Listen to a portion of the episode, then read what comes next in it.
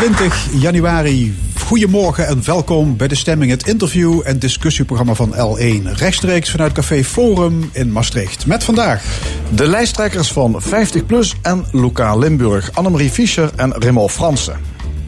Herman Vuijsje, kapitel opiniemakers die vinden dat ons land wordt aangetast door racisme.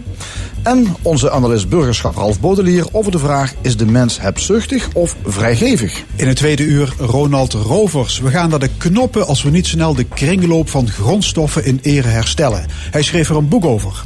Verder een column en het panel discussieert over de brexit, chaos en andere actuele zaken.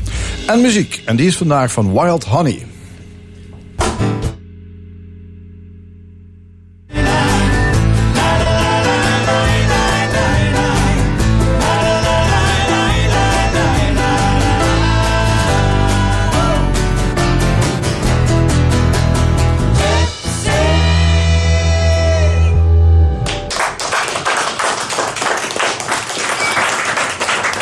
Staan weer verkiezingen aan te komen op 20 maart. En dat is over twee maanden. Kunt u naar de stembus voor het kiezen van provinciale staten.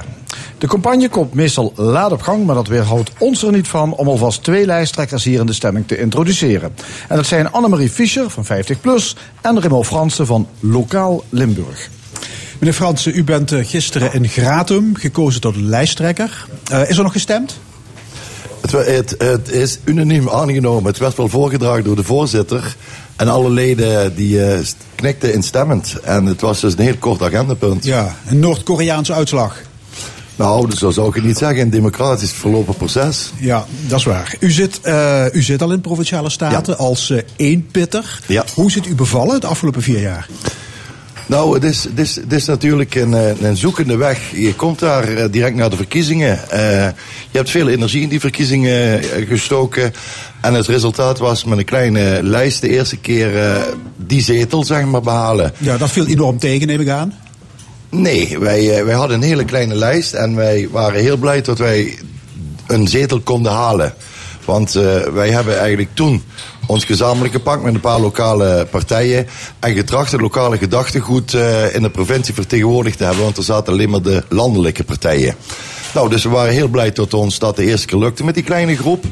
Als je nu ziet, de groep is harmonisch. Het is een grote, goed georganiseerde organisatie. Drie keer zoveel aangesloten ja, nee, okay, leden. Maar, maar u zit als enige in Provinciale Staten. Ja. En, en Daar nu, komt alles op, op u neer. Ja, maar, maar daar wilde ik eigenlijk heen. Uh, als je dan op een gegeven moment gekozen bent en je bent statenlid geworden. De politieke trein die dendert voort. Dus in feite, je moet direct uh, aansluiten. Alles is nieuw, je zoekt je weg. Maar dan moet ik zeggen, er is er een fantastische ondersteuning vanuit de Griffie. Uh, je, krijgt, je hoeft maar een vraag te stellen en je krijgt een ja. antwoord. Maar, maar desondanks is het zwaar? Uh, het kost heel veel tijd. En die tijd die gaat voornamelijk steken natuurlijk in de dossiers die lopen. Die dien je heel snel eigen te maken. Maar vervolgens, uh, het politieke, uh, zeg maar, die politieke trein gaat verder. En dan was er na drie kwart jaar was er eigenlijk een beetje een tegenvaller. Want de landelijke partijen gingen op een gegeven moment het besluit nemen dat alleen maar in commissies mochten statenleden zitten. En iedere vrijdag is er een commissie, bijvoorbeeld commissie FEP, commissie Ruimte, Natuur en Landschap, noem maar op. Dus je bent sowieso een hele vrijdag kwijt, als één pitter. Maar vervolgens deden hun ook nog uh, de fractiebijdrage, en daar kun je bijvoorbeeld een fractiemedewerker voor inhuren, deden hun voor de kleine partijen minimaliseren en de grote partijen kregen nog wat geld bij. Nou, dat voelde natuurlijk niet prettig, en dat vonden we ook allemaal vanuit de oppositie oneerlijk. Maar ja, de meerderheid beslist, dus het werd aangenomen. En dat geeft je eigenlijk als partij, en nog meer body. Want natuurlijk zeiden heel veel lokale mensen, ja, dat kan toch eigenlijk niet. Wij zien nu ook bij de gemeenteraadsverkiezingen tot uh, op lokale partijen 33% heeft gestemd. En wij zagen dat ook terug op een gegeven moment in de aanmeldingen van lokale partijen. En dat betekent in feite dat wij van mening zijn dat de lokale natuurlijk ook weer beter vertegenwoordigd gaan worden in de staten. En van daaruit hoop ik ook dat wij natuurlijk met een meer dan groot aantal zetels terugkomen of vooruitgaan. Maar als één pitter, en ik kan me ook uh, recentelijk is een uh, persbericht bekendgemaakt van een, uh, een andere partij waar de lijsttrekker op een gegeven moment heeft gezegd, nou ik stop ermee, want het is gewoon gruwelijk veel werk als één pitter. En van daaruit, ja, ik heb er het volste vertrouwen in voor de toekomst en ook de speerpunten, de organisatie. Ja, daar kom ik straks op, okay. op, op, terug. Zeg, maar lokaal Limburg wil een platform zijn van, van lokale partijen. Ja. ik las op jullie site, we zijn niet per se links of rechts, maar gestoeld op lokaal belang. Maar ja. wat is het lokaal belang? Nou, dat is natuurlijk in iedere gemeente verschillend. En dat is ook de kracht natuurlijk van lokale partijen. Je staat kort bij de mensen, je weet wat er speelt. En van daaruit probeer je dus met die informatie probeer je politiek te maken en tegemoetkomen de mensen van de mensen. Nee, dat begrijp ik. Maar je hebt progressieve lokale partijen, conservatieve lokale partijen. Daar kun je toch nooit één eenheid, één geheel van maken? Dat is net de sterkte natuurlijk van het platform. Je krijgt daardoor dus verschillende meningen, maar ook de verdiepingsslag in de discussie. Oké, okay, maar krijg je dan niet een heel vlak verkiezingsprogramma? Nee, natuurlijk niet. Ik citeer, we gaan voor kwaliteit van leven, aandacht voor duurzaamheid. De provincie moet zuinig met geld omspringen. Dat zijn hele algemene programmapunten. Daar win je de oorlog toch niet mee? Nou, wij hebben gekozen in eerste instantie. U heeft waarschijnlijk op onze site gezien. Ja. Dat wij hebben een verkiezingsprogramma. Nu een plat verkiezingsprogramma. Bewust. En vanuit de alle, alle aangesloten partijen komt natuurlijk die informatie wat de kiezer eigenlijk bezighoudt. En van daaruit komen ook de speerpunten. Ja, maar ik lees niks over de energietransitie, niks over Maastricht-Aachen Airport, over de intensieve veehouderij, de, de asbestsanering. Geen, geen letter. Nou, dan, uh, dan... Dat is wat, wat u bedoelt met een plat verkiezingsprogramma? Dat sowieso. Dus, maar het maatwerk, hè, want u ziet, ziet ook in ons verkiezingsprogramma maatwerk staan. Dat betekent als we het bijvoorbeeld over de intensieve veehouderij hebben. Nou, dan zeggen wij van onze kant, kijk wat er speelt in de gemeente, waar de ligging is. En probeer dan maatwerk te realiseren. Dus niet algemeen een grote regel, we willen dit of dit. Nee, maatwerk. Okay, en dat betekent maatwerk. ook die kleinschaligheid in ons programma. Ook aan tafel Annemarie Fischer, lijsttrekker van 50PLUS. Um, mevrouw Fischer, als ik mensen vraag naar een eerste associatie bij 50PLUS... Dan, dan komt altijd het woord ruzie naar boven. Kunt u ja, daar iets bij voorstellen? Daar kan ik me iets bij voorstellen. Maar dat is de reden waarom ik het stokje overgenomen heb. Ik bedoel, u gaat daar korte metten mee maken met dat gevrijgel. Ik wel.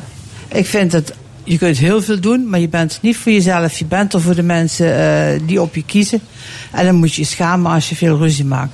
Nou is het wel zo dat de ruzie voornamelijk uh, in Den Haag uh, en contraien plaatsvindt. En ik moet zeggen, wij hebben ook een gelukkig een hele grote groep mensen die fijn met elkaar Nee, oké, okay, maar de huidige fractievoorzitter van 50PLUS hier in de, in de Staten, Henk van der Linden, ook een inpitter, die is overgestapt naar Limburg Lokaal. Naar ja, de club van meneer Fransen. Lokaal want hij was, Lokaal Limburg. Lokaal Limburg. Want hij was pissig over het feit dat hij niet opnieuw was voorgedragen als lijsttrekker. Weer zo'n voorbeeld. Ja, maar dat is dan helemaal aan meneer uh, Henk van der Linden. Ja. Ik bedoel, ik heb, ik heb. Nee, ja, dat kan wel zo zijn. Ik heb met hem gepraat.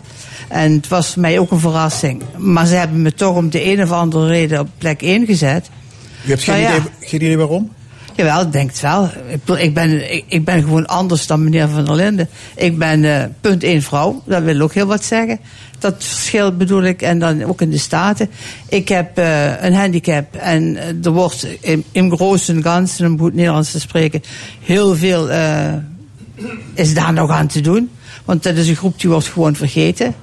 Uh, dat merk ik zelf keer op keer. En je bent niet alleen gehandicapt als je in een rolstoel zit.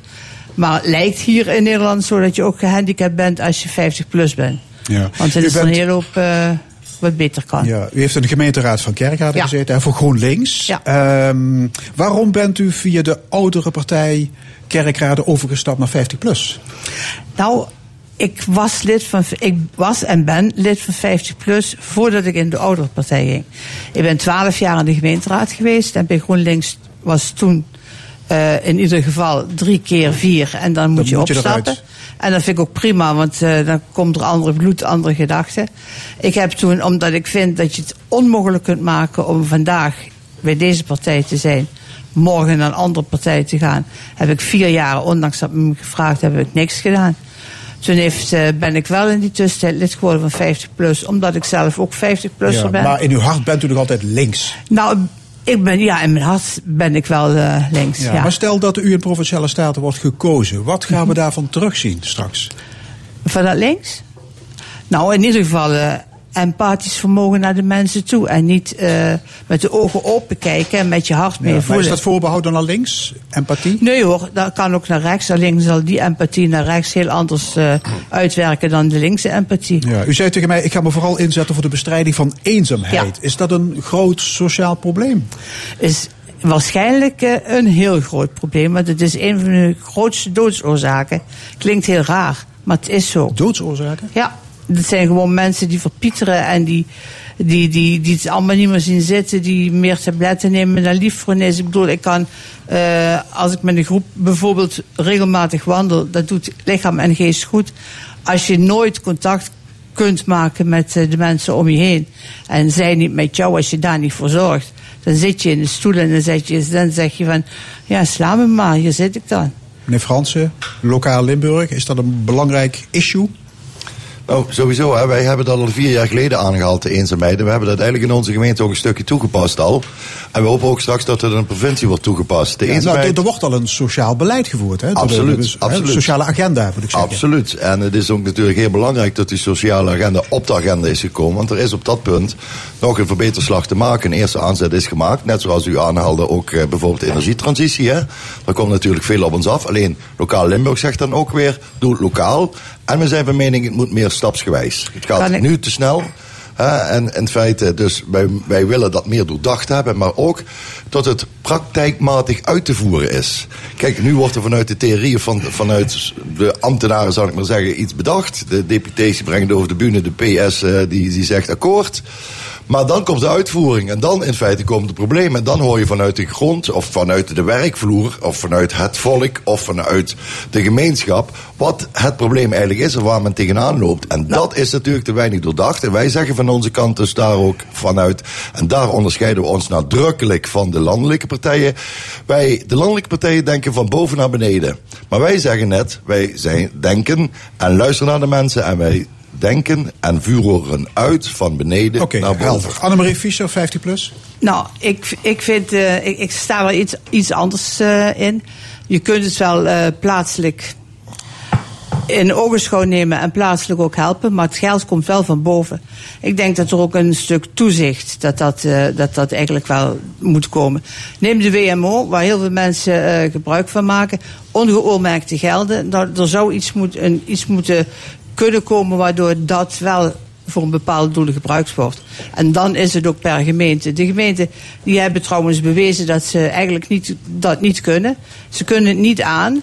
Want de ene, eh, de ene ellende wordt steeds groter dan de andere. Kijk bij de jeugd, jeugdzorg. Dus wij vinden het net dat het teruggenomen moet worden naar eh, een hoger niveau. eh, dat deze mensen toezien op datgene wat er in een stad gebeurt. Nou, dat is natuurlijk heel gek als ik daar even mag op inhaken. Want hoe wij nu van een hoger niveau bepalen wie eenzaam is in de gemeente en dergelijke. Nou. dus je zult het feit de tafelgesprekken moeten houden en dergelijke. Ja, dus goed, maar dan moet je niet Sorry, mag ik daar nog even inhaken? Ja. Want dan moet je niet mee beginnen.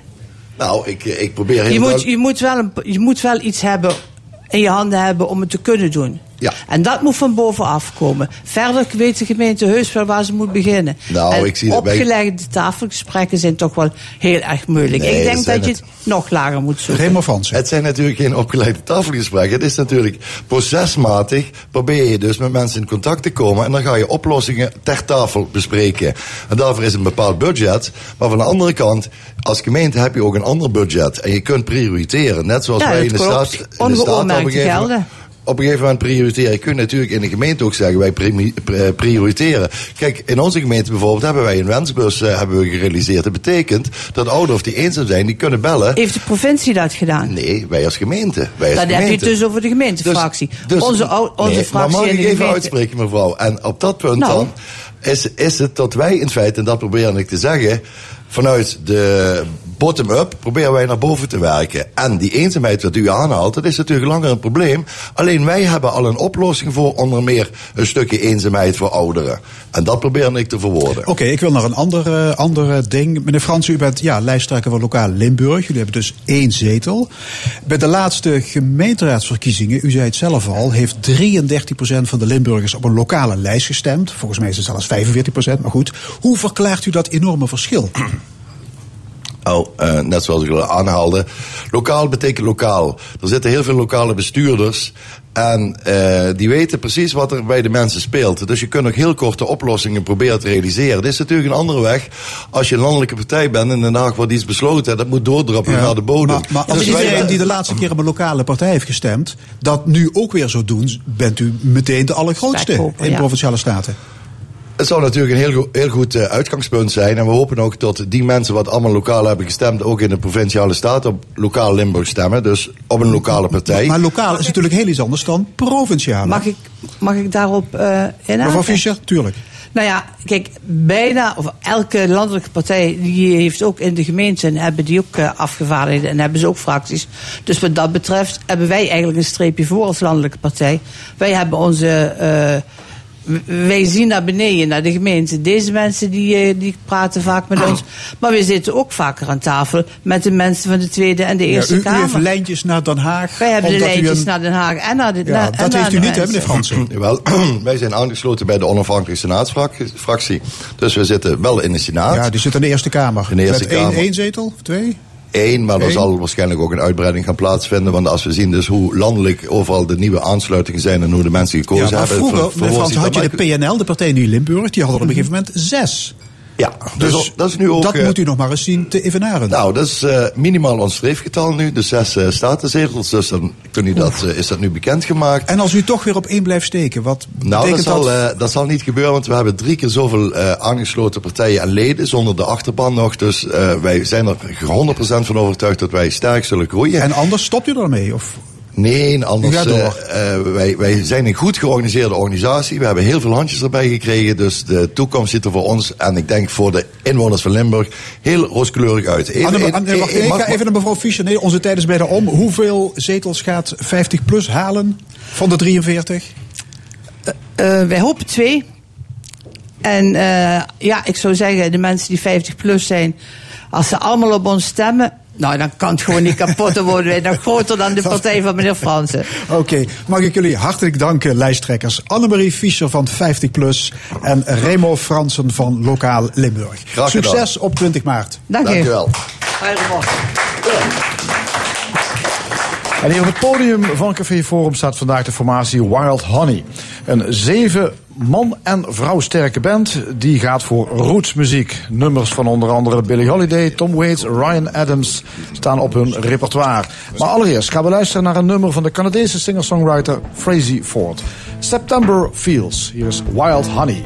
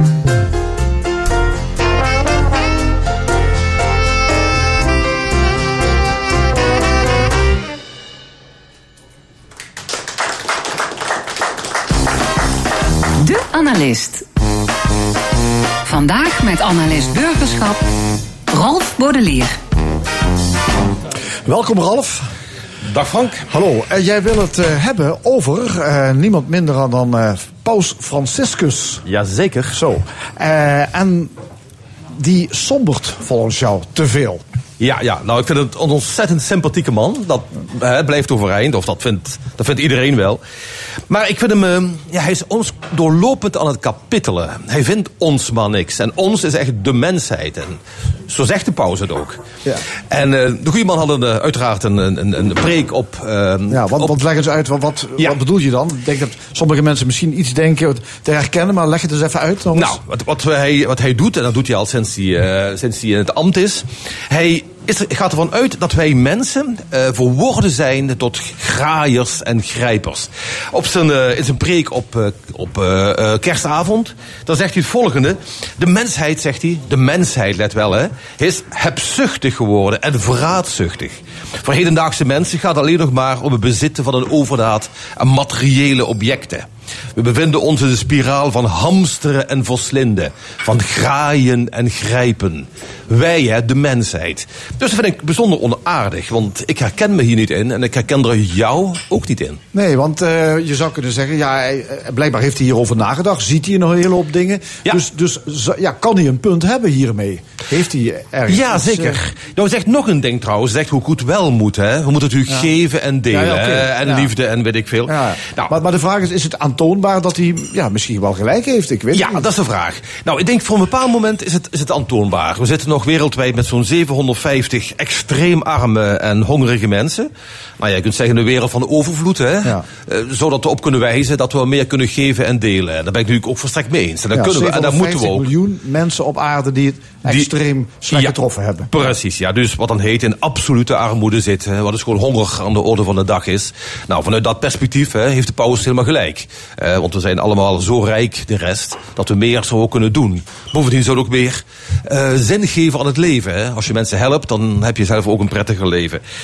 Maar er is nog een andere kant aan. Die vind ik echt veel belangrijker. Eh, de paus die impliceert dat wij zo geworden zijn de afgelopen tijd. Het gaat om de moderne mens, de moderne mensheid. Hè. Dat we vroeger in de tijd van de paus zelf, hè, de goede oude katholieke tijd, blijkbaar vrijgeviger en aardiger waren. Wij zijn slechter geworden, denkt hij dus. Dat, zegt, dat stelt hij inderdaad. En daar, dat ontken ik dus. En dat gaat om het volgende. Als je nu kijkt hier in Nederland.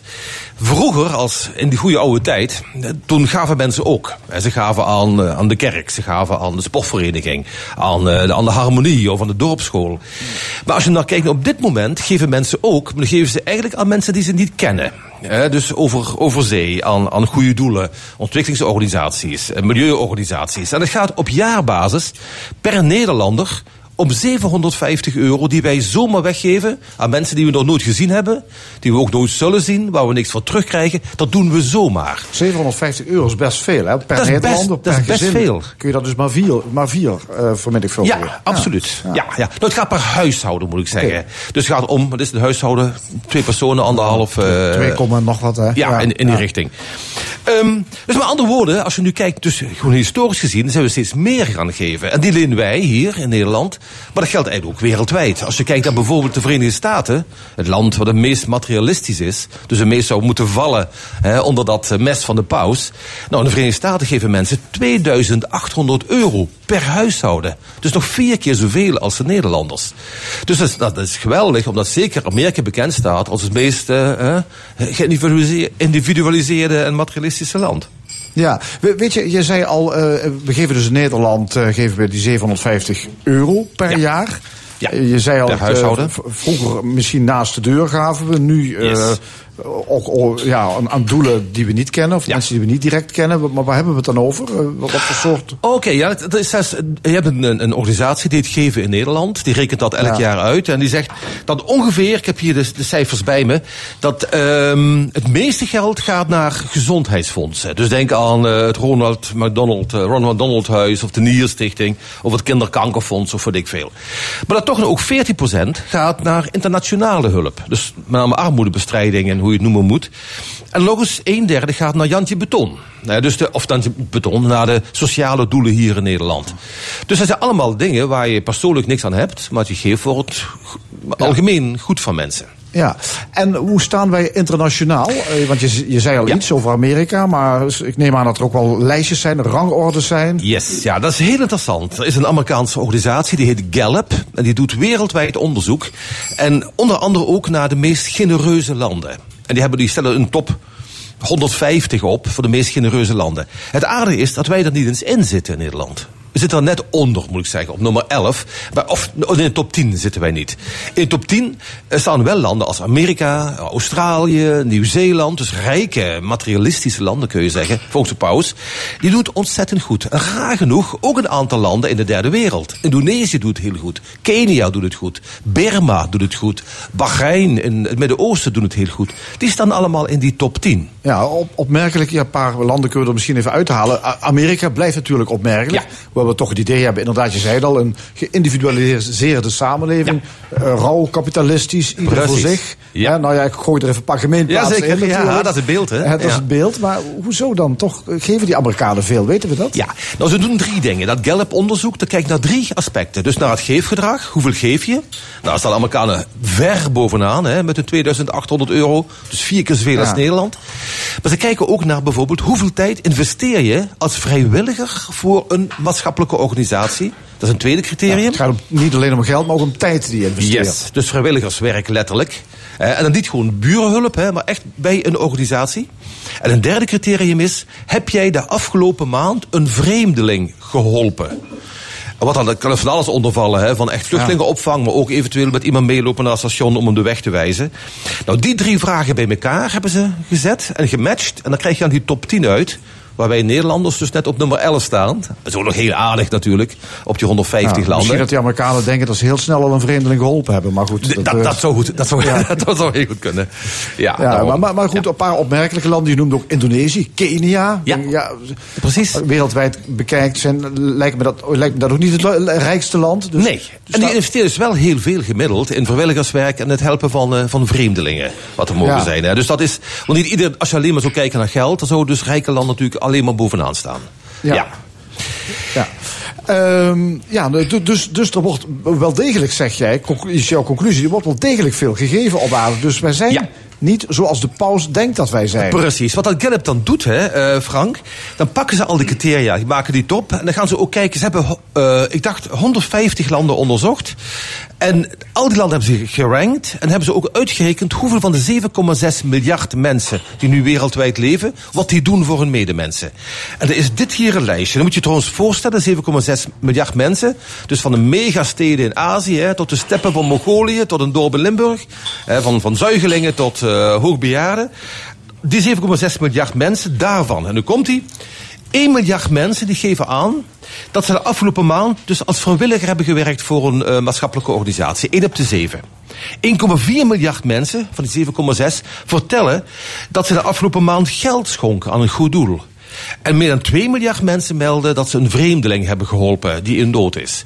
Nou, als je nu dit soort cijfers bekijkt hier, hè, hebben dus mensen op die manier bijgedragen aan een betere wereld, kun je zeggen.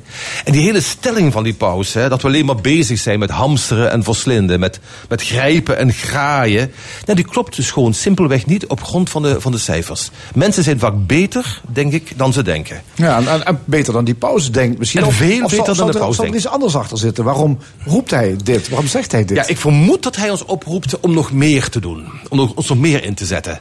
En eigenlijk ben ik daar ook wel helemaal mee eens. Ja, dat, dat is op zich goed. Maar van de andere kant, het beeld dat wij slechter worden. Ja. door de tijd heen. Dat klopt. Dat blijkt dus niet te kloppen. Dat klopt dus niet. We zijn eigenlijk, worden wij steeds meer. Vroeger eh gaven we vooral om mensen in onze hele naaste omgeving. Als je teruggaat naar de oertijd, hè, was alleen de eigen clan, de eigen familie, toen het eigen dorp, het eigen land. En op dit moment zijn we dus veel meer georiënteerd op de hele grote wereld. Van mensen in Jemen of in Sudan of Eritrea. Waar we dus nooit enig niets van terug zullen zien. En we toch vinden dat we er even iets moeten doen. Ja, dat is wel opmerkelijk. Dus die, die hele globalisering, die werkt wat dat betreft dus ook door in ons hart. Blijkbaar. absoluut. Ja, Ja. we zien de globalisering alleen maar altijd als iets negatiefs. Hè. We krijgen dus ook meer immigranten hier. eh, onze producten worden uit de markt geduwd. Maar het werkt dus ook andersom. We zien ook dus mensen in de rest van de wereld opeens als mensen. Als een vluchteling uit het water komt met een dood kind in zijn armen, dan breekt ons hart. Ook al is het een uh, Eritreër of een Syrië die we niet kennen. Dus we zijn eigenlijk in die afgelopen eeuw, kun je zeggen, of afgelopen 50 jaar, zijn we steeds met de mensen aan de andere kant van de wereld als mensen gaan eh, herkennen. En, dat, en daar betalen we dus ook voor. En daar doen we dus ook iets voor. En dat heet dan in een mooie term heet dat de, de uitbreidende cirkels van mededogen. Eh, en dus vroeger was die cirkel alleen gericht op onze eigen familie.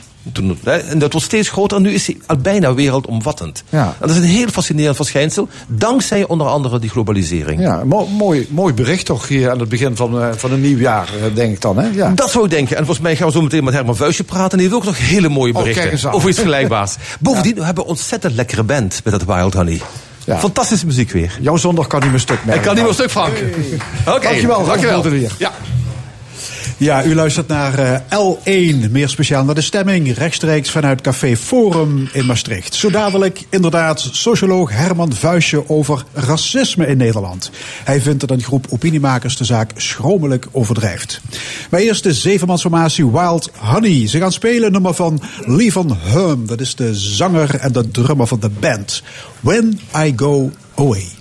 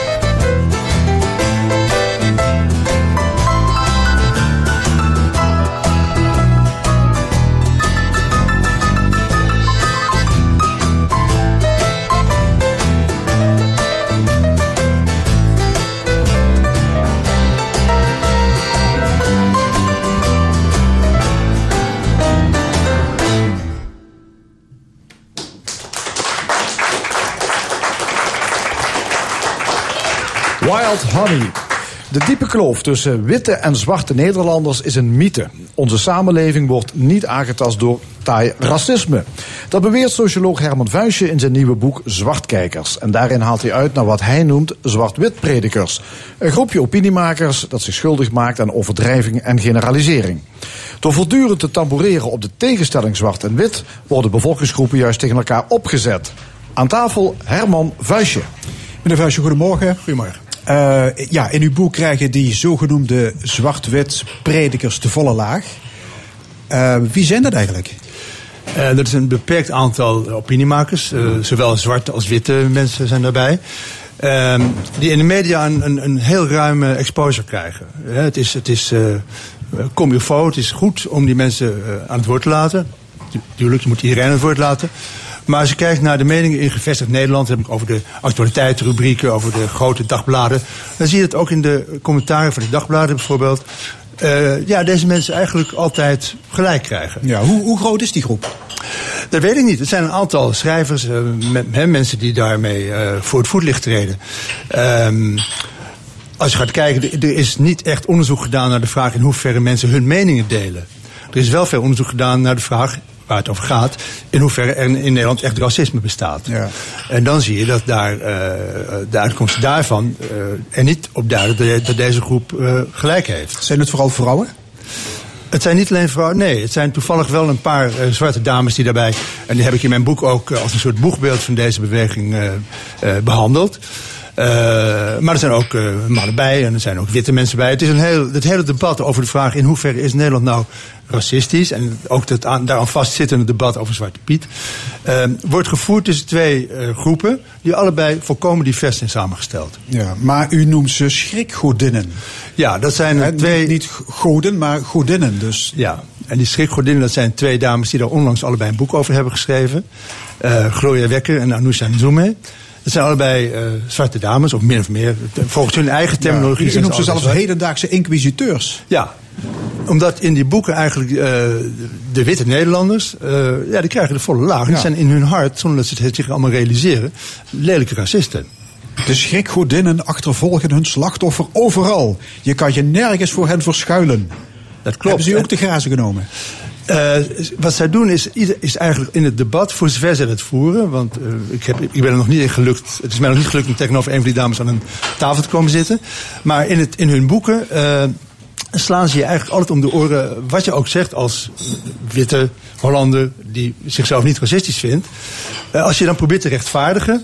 Dan komt er meteen weer een opmerking overheen. Dat je, dat je, verkeer, op Je de verkeerde manier. krijgen, je krijgt nooit gelijk, want je bent historisch eh, voorbestemd om als, als erfgenaam van de Nederlandse koloniale en racistische eh geschiedtraditie in de Nederlandse koloniën. Eh zit tussen je oren. Dat is je culturele archief, noemt eh, Gloria Wekker dat dan. Dat is eh, onvermijdelijk, ben je daartoe tot in lengte van dagen eh, veroordeeld. Ja, die Gloria Wekker, hoogleraar etniciteit, dat Ja. noemt u de allerergste schrikgodin. Hè, ze schreef vorig jaar het boek Witte Onschuld. Ja. Wat, wat neemt u haar eigenlijk het meeste kwalijk? Dat ze niet debatteert. Het is niet mogelijk om met, de, maar ook met Anisha Nzuma geldt hetzelfde voor, maar gewoon een gesprek op grond van argumenten te voeren. Want je bent altijd fout, omdat je nou eenmaal gedisponeerd bent. Je, bent niet serieus te nemen, want je bent eh, racistisch besmet. Ja. En dat zijn niet alleen deze zwarte dames die dat vinden. Dat is bijvoorbeeld ook Sunny Bergman, die heeft een film hierover gemaakt. En die zegt letterlijk aan het eind van die film: racisme is een wit probleem. Dus als je wit bent, heb je een racistisch probleem. En als je niet wit bent, dan heb je blijkbaar geen racistisch probleem. Terwijl als je in de wereld om je heen kijkt en je vraagt je af waar is nou echt hard en lelijk en gemeen en dodelijk racisme aan de hand, dan kom je niet in Nederland uit Ja. en ook niet in Amerika. Oh, dus u zegt met dat alledaagse racisme in ons land, in Nederland, dat valt eigenlijk allemaal reuze mee. Dat valt heel erg mee. En wat ik, wat ik nou zo jammer vind van deze eh, dames en, de- en deze hele groep... dat ze een beeld schetsen van een, een, een soort tegenstelling... harde tegenstelling tussen zwarte en witte mensen in Nederland. Ben je zwart, dan is het heel moeilijk om uit de beperkingen... uit die racistische Ja. bejegening maar- te maar- ontsnappen. Je bent eigenlijk een slachtoffer en je hebt weinig mogelijkheden om daaraan om Maar te komen. allochtonen worden toch gediscrimineerd in Nederland? Op het werk, in de bus, in de trein, bij, Ja. bij het vinden van werk. Mensen in de verpleeghuis willen niet verzorgd worden door een zwarte. Je hebt het etnisch profileren van de politie. Dat zijn toch dingen die die daadwerkelijk voorkomen. En nu gebruikt u terecht het woord discriminatie. Er wordt gediscrimineerd in Nederland. Eh, hoeveel wordt er gediscrimineerd? Dat, dat eh, blijkt uit onderzoek. Dat valt per categorie eh, op verschillende manieren uiteen. Per saldo wordt er in Nederland relatief vergeleken met andere Europese landen, weinig gediscrimineerd. Verder moet je bij de vraag stellen, als je bijvoorbeeld die profilering neemt, daar is waarschijnlijk wel sprake van discriminatie, maar dat speelt niet alleen etniciteit een rol bij. Als je gaat kijken naar onderzoek, dan blijkt bijvoorbeeld uit uh, die mensen die dan door de politie worden aangehouden, hè, meer dan uh, witte uh, Nederlanders Ja. worden dan zwarte Nederlanders aangehouden. een zwarte, de grote bak, die is, die is vaak de pineut. Ja, maar niet alleen die grote bak, maar en ook niet alle zwarte. Het blijkt dat bijvoorbeeld zwarte mannen veel en veel vaker de pineut zijn dan zwarte vrouwen. En dat bepaalde groepen, etnische groeperingen en bepaalde leeftijdsgroepen veel vaker het slachtoffer zijn van profilering dan anderen. En daar blijkt dus uit dat er wordt geprofileerd, maar dat etniciteit daarbij maar één aspect is. En nou even terug naar die, dat onderscheid van discriminatie en racisme. Ik zei net, u gebruikt terecht het woord discriminatie. Discriminatie bestaat. Overal waar mensen samenleven, daar is discriminatie. Eh, discriminatie is een handeling. Je, be- je behandelt iemand anders dan je hem zou horen te behandelen. Racisme daarentegen is een term die betrekking heeft op een motivatie. Ik kan, als jij mij slecht behandelt, kan ik eh, niet weten of jij dat doet uit een racistische overweging. Of misschien vind je me wel gewoon een lul. Of zie ik er niet leuk uit. Of wat dan ook. Dus racisme is heel moeilijk te meten. Bovendien is racisme de ergste vloek in onze samenleving. Racisme is datgene wat wij Ja. het meest verafschuwen en het meest vrezen. En daarom vind ik, en dat was een reden om dit boek te schrijven, dat we met dat begrip heel voorzichtig moeten zijn. Discriminatie, ander, ja. ander voorbeeldje, discriminatie op de arbeidsmarkt. Ja. Worden jongeren eh, waarvan de achternaam begint met een Griekse ei eh, niet gediscrimineerd door werkgevers? Eh, er is discriminatie op de arbeidsmarkt. Daarover is natuurlijk ook veel onderzoek. En daar is ook in Nederland al heel gauw de neiging om te zeggen... er is racistische discriminatie op de arbeidsmarkt. Nou is een paar Maar wat onderzoek... zou het anders moeten zijn dan? Dat ga, dat ga ik nu vertellen. Eh, er is bijvoorbeeld een heel mooi onderzoek gedaan door het Sociaal en Cultureel Planbureau. Die zijn nagegaan niet alleen eh, worden mensen met een andere etnische afkomst gediscrimineerd, maar die, gaan, zijn gaan verder gaan verfijnen. Mannen, vrouwen, leeftijdsgroepen, etnische groepen. En daaruit blijkt dat bijvoorbeeld vrouwen veel minder worden gediscrimineerd, ook als ze etnisch zijn. Oudere mensen worden minder gediscrimineerd, ook als ze etnisch zijn. Eh, en hogere beroepen worden veel minder gediscrimineerd. Kortom, als jij een eh, zwarte vrouw bent die voor een hoger beroep solliciteert, dan word je niet gediscrimineerd. Er is wein- weinig of nauwelijks meer verschil. Dus ook hier geldt, er is wel discriminatie. Maar pas op met het woord racisme, want er zijn allerlei andere dingen ook aan de hand. En u vindt dat die schrikgodinnen alles op één hoop gooien en te weinig dit probleem subtiel bekijken? Ja, en daarmee dus bijdragen aan een, eh, aan een heel slecht zelfbeeld van Nederlanders. En daarom had Ralf net gelijk toen hij zei dat ik met goed nieuws kom. Eh, wij zijn helemaal niet zo racistisch als ons wordt aangepraat. Maar goed, dan heb je nog het, het, het schilderen van hakenkruizen, eh, kwetsende spreekoren op, op voetbaltribunes. Daarvan zegt u, dat is openbaar leedvermaak, bedoeld om de tegenstander op stand te jagen. Nou, bij de haakkruis weet ik dat niet zo zeker. Eh, maar op die voetbaltribunes, eh, ja, daar wordt bijvoorbeeld geroepen Ajax Jodenclub. Nou, in hele Ajax zit geen enkele Joodse speler meer al geruime tijd. Dus dat, dat Jodenclub is natuurlijk afschuwelijk. En ik ben er helemaal voor trouwens dat als die kreet op de tribunes weer klinkt... dat de wedstrijd wordt gestaakt. Ja. Dat, dat is verboden om Ja, dat soort terminologie oké, te en- gebruiken. en het gooien van maar bananen- pas op, maar pas op, op het veld? Het is geen racisme, het is iets anders. Gooi bananen op het veld. Ja, dat, dat, dat is een, een- ook dat vind ik een handeling die eh, onmiddellijke bestraffing verdient. Eh, maar die banaan wordt niet gegooid als die zwarte speler bij het eigen team hoort. Dan zou het racisme zijn. Hij wordt gegooid als die, andere, die speler van het andere team komt. Dus dat is een daad met een racistische inhoud die nogmaals Ja. strafbaar is. Maar als het niet racistisch is, waarom gaan die voetbalsupporters dan zo tekeer tegen mensen die tegen Zwarte Piet demonstreren? Dat Ja. hebben we gezien in Leeuwarden, Eindhoven, Nijmegen. Dat waren Oké. Dan heb je het niet meer over de voetbaltribunes, dan heb je het over een bepaalde groep hooligans. Eh, die daar bijvoorbeeld inderdaad, eh, we hebben allemaal dat afschuwelijke filmpje gezien. eh, bij die, toen Jerry Avrier, hè, dat was zo'n zo'n meneer die protesteert tegen Zwarte Piet. Ja. Heel keurig met een paar bordjes stond. En dan zie je zo'n Dat, dat doen ze toch niet staan. om te jennen? Dat doen ze omdat ze in dat debat over de schreef gaan. Eh, en dat is, eh, daar, werd, daar werden racistische dingen geroepen. Dus dat, oh, nogmaals, ook dat is eh, strafbaar. Maar ook daar moet je uitkijken. Dat je niet gaat zeggen, dit is een strijd tussen wit en zwart. Want ik heb het filmpje heel goed bekeken. En dan zie je dat ook bij die, bij die mensen die dus tegen Zwarte Piet, of die, die voor Zwarte Piet zijn... dat er ook witte mensen bij zitten. Dus het zijn, het zijn gemengde eh, coalities, zeg maar. Ander voorbeeld. Pas geleden is een zwarte columniste van Dagblad Trouw gestopt. Omdat Ja. ze werd bedolven onder de, onder de haatmails. Daar was ze niet langer tegen bestand. Eh, ook op de social media, het is bekend. Het wemelt van, van racistische taal. Maar u zegt, we zijn gepreoccupeerd met racistische bedoelingen. Ja. Leg dat eens uit. Omdat wij ehm, als op die sociale media een stelletje idioten racistische dingen roept. Dan denken dat daarmee een beeld is ges- geschept, eh, geschapen. Geschetst, moet ik zeggen. Van de gemiddelde Nederlander. Ehm, en ik zeg altijd, eh, even een beetje grof, maar als je vroeger iemand iets kwalijk nam, dan moest je een drol draaien en die drol in een doosje stoppen, postzegels kopen, naar het postkantoor, die aanbieden ter verzending en dan. En tegenwoordig heb je drie klikken, heb je genoeg. Eh, er zijn heel veel mensen die, die, die een bezwaar tegen je hebben, of, of nou etnische kwestie of wat voor kwestie dan ook gaat. Dat zijn die, hè, de, die, die types die op internet, eh, sociale media, ja, die verpesten het debat. Maar eh, als je gaat kijken naar onderzoekresultaten onder de gewone gemiddelde Nederlander, dan zie je heel wat anders. Dus dan zie je dat die mensen die op de, op de sociale media racistische dingen roepen, maar een heel kleine minderheid zijn. En bovendien is het de vraag of als je racistische dingen roept, of je ook een echte racist bent. Want als ze wel eens een paar van die lui in hun kraag grijpen en ze komen voor de rechter, terecht zeg ik nogmaals, dan zeggen ze van ja, ik had het helemaal niet zo bedoeld, ik was kwaad, ik ben helemaal niet, mijn buurman is, eh, mijn Turkse buurman is mijn beste vriend, maar ik was nou zo, nou ja. En dat is plausibel, want je bent kwaad en dan ga je met die, gauw die paar toetsen intikken en misschien heb je een moment Het beroep spijt. tegen Geert Wilders is bezig, hè, vanwege Sorry. die minder, minder Marokkanen uitspraak. Eh, was dat ook om te jennen, denkt u? Nee, zeker niet. Ik vind Is dat Wilders daarvoor, een racist? eh, ik weet niet of hij een racist is. Ik ken zijn motivatie niet.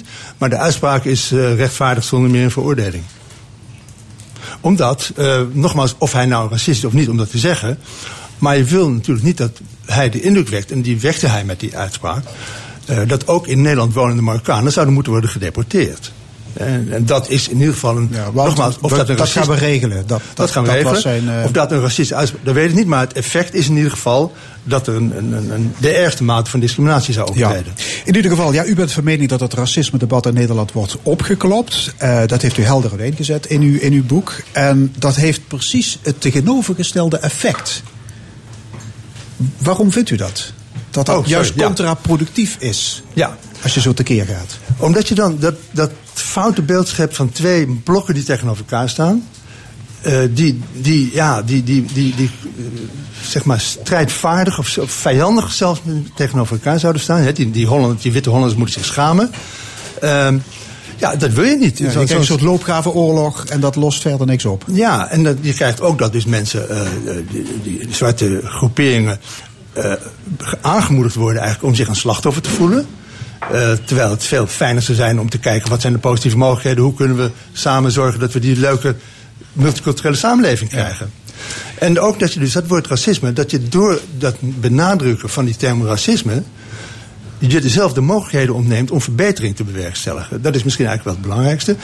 Als je het woord discriminatie gebruikt, dan kan je het uiteenrafelen. Dan kan je kijken, wat is er gedaan? Wie heeft het gedaan? Tegenover wie heeft hij het gedaan? Dat is niet zozeer waarom hij heeft het gedaan, maar wat. En dan kan je kijken, oké, als hij dat heeft gedaan, hij zegt zus en zo, dan kunnen we kijken of we iets kunnen veranderen. Handelingen kunnen worden bestraft. En de reden waarom die handelingen plaatsvinden, kunnen worden eh, verbeterd. Je kan mensen misschien. eh, nou, ik noem een klein voorbeeld. Eh, eh, het is bekend dat zwarte kinderen gemiddeld een lager schooladvies krijgen eh, dan witte kinderen. Dat is natuurlijk heel erg. Je kan roepen dat is racisme. Je kan ook kijken wat zijn de motivaties van die leerkrachten om, die, om dat schooladvies te geven. Misschien dat zijn het hele welwillende motivaties, maar zijn ze gewoon een beetje dom. Ja. Moeten ze het op een andere manier, kunnen we ze helpen? Kunnen we een coach inzetten om... Nou, dat kun je allemaal doen als je het woord discriminatie gebruikt... en niet meteen de daders in een schuldpositie Oké, brengt. dus mensen moeten niet, niet te gauw zeuren. Citaat, je zou maar een oude, lelijke, slecht opgeleide Limburgse boerin zijn. Je witte privilege wordt dan een hachelijke zaak. Ja. Hoe komt u met dat voorbeeld? Nou, omdat ik Ralf ken. Omdat hij het tegendeel is van al deze dingen. Behalve op één gebied. Ralf heeft een zachte G. En, eh, ja, ja nog, een, nog een voorbeeld eh, uit uw boek. Een vriend van mij, een mooie, jonge, intelligente, hoogopgeleide Limburger met een zachte G, had al moeite om als journalist een kans te maken in de grachtengordel. Ja. Is dat ook. eh, Ik wil geen namen noemen, maar hij zit hier naast me. Oké. Ja. Ralf, zegt ons wat van. Nee, dat klopt, eh Fons. Van als, je met de, als je zachte G hebt, dan is het wat lastiger om in, eh, in de Randstad eh, aan de bak te komen. Dat klopt. En eh, het lukt wel uiteindelijk, maar je moet een aantal eh, barrières overwinnen. Maar dat heeft ook in dit geval niks te maken met racisme, maar ik denk een term die Herman ook wel gebruikt, met ongemak.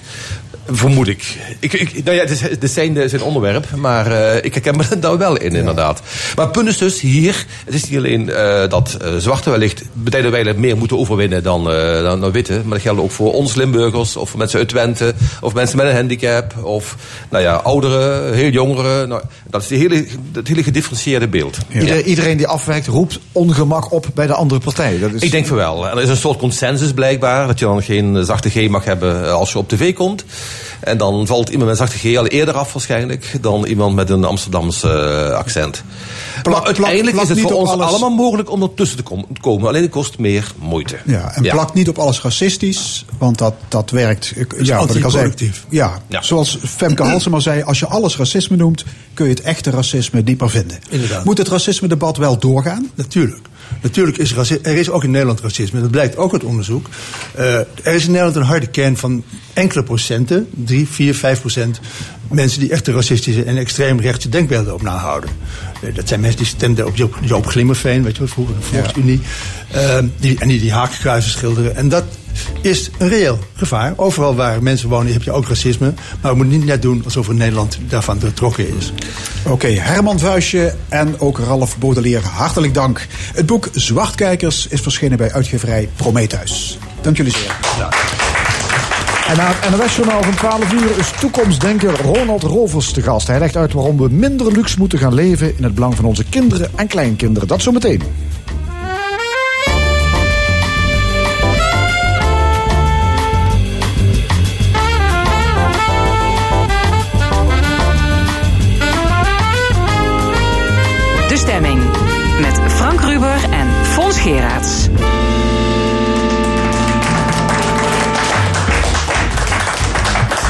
Vier minuten over twaalf. Opnieuw welkom bij De Stemming, het interview- en discussieprogramma van L1 Radio vanuit Café Forum in Maastricht. We zijn er iedere zondag. Wat nog allemaal in dit tweede en laatste uur? Nou, even naar half één. Dan discussieert ons opiniepanel over de brexit en de protesten van de gele hesjes en andere actuele zaken. Een column van Jos van Wersch, muziek van Wild Honey, maar eerst de aantasting van de aarde en hoe het tijd te keren. Ja, we leven boven onze stand en dat is onhoudbaar. Willen we dat de aarde bewoonbaar blijft voor onze kinderen, dan zullen we compleet anders moeten gaan leven. Dat betekent radicale keuzes maken, zoals resoluut kiezen voor zonne-energie, minder vlees en een forse stap terug in onze welvaart. Dat betoogt Ronald Rovers, fellow professor aan de TU Eindhoven in zijn pas verschenen boek Gebroken Kringlopen. Kern van zijn verhaal is: onze aarde is een eiland en daarom moeten we ons aanpassen aan wat er groeit en bloeit. Aan tafel toekomstdenker Ronald Rovers. Welkom. Goedemorgen. Ja, het boek ligt hier op tafel, Gebroken Kringlopen. En dat boek, ik moet zeggen, het schetst geen optimistisch beeld van ons mensen op deze aarde. Eh, We feesten er lustig op los, terwijl, de, terwijl we ondertussen de hele planeet naar de malle moer helpen. Ja, dat klopt. Dat zo erg is het. begrepen. Ja, ja, en wat is het meest verontrustend van onze manier van leven? Nou, het grootste probleem is dat wij nu wel bezig zijn met energie en dat we weten dat we daar iets anders mee moeten. Maar dat we steeds vergeten dat je daar materialen voor nodig hebt. En eh, energie kan niet zonder materialen en materialen kan niet zonder energie. Dus wat we doen is we proberen het ene op te lossen, terwijl we dan eh, vervolgens problemen aan de andere kant creëren. En ons, eh, eh, kijk, energie hebben we dan nog van de zon, zoals u eh, net zei. Maar van materialen kunnen we, hebben we niks. We zitten op een eiland, de aarde. En dat is een gesloten systeem qua materialen. Dus we zullen het moeten doen met wat we hebben. En we zijn alleen maar aan het uitputten. En er komt niks bij. Ja, en to- toch denken wij van, ja, we lossen dat wel op, want we gaan recyclen bijvoorbeeld, hè? Ja, ja, dat kan. Daar is natuurlijk niks mis mee met recyclen. Dat, moet je altijd doen. Maar dat is gewoon het vertragen van het proces. Dat eh, eh, is zeg maar aan de gevolgkant een, een, een iets wat je moet doen. Maar dat is niet de oorzaak wegnemen natuurlijk. We groeien nog steeds. We gebruiken nog steeds veel meer materialen. Dus sowieso gaan we het met recyclen nooit redden. Er komen ook nog 3 miljard mensen bij die ook op ons welvaartsniveau willen komen. Dus eh, eh, eh, recyclen is goed, maar dat is maar een fractie van wat we zo- zouden moeten doen. Ja, en welke materialen zijn we dan echt, eh, zal maar zeggen, in een zodanig tempo aan het benutten dat het straks gewoon op is? Nou, een heel simpel voorbeeld wat u niet verwacht: zand. De- Zand? de- zand, precies. Oh, ja. nou ja, de, de, de, dat is de tweede Er meest... een hele Sahara vol van, zou ik denken. Maar ja. Precies, ja. De, ehm, eh, de halve wereld bestaat uit zand. Maar het is de tweede meest gebruikte grondstof in de wereld. Maar het zand dat we voor beton gebruiken, wat zeg maar eh, het voornaamste bouwmateriaal is, eh, dat is op. Eh, niet direct in Nederland. Wij hebben hier grindgaten. Hè. Eh, Limburg weet daar alles van. Eh, en we graven wel weer een nieuw gat en dan hebben we weer wat, wat zand. Maar in de rest van de wereld is de structuur van de korrel die nodig is voor beton heel, heel eh, schaars. En eh, het Sahara-zand is niet geschikt om daar beton mee te maken, bijvoorbeeld.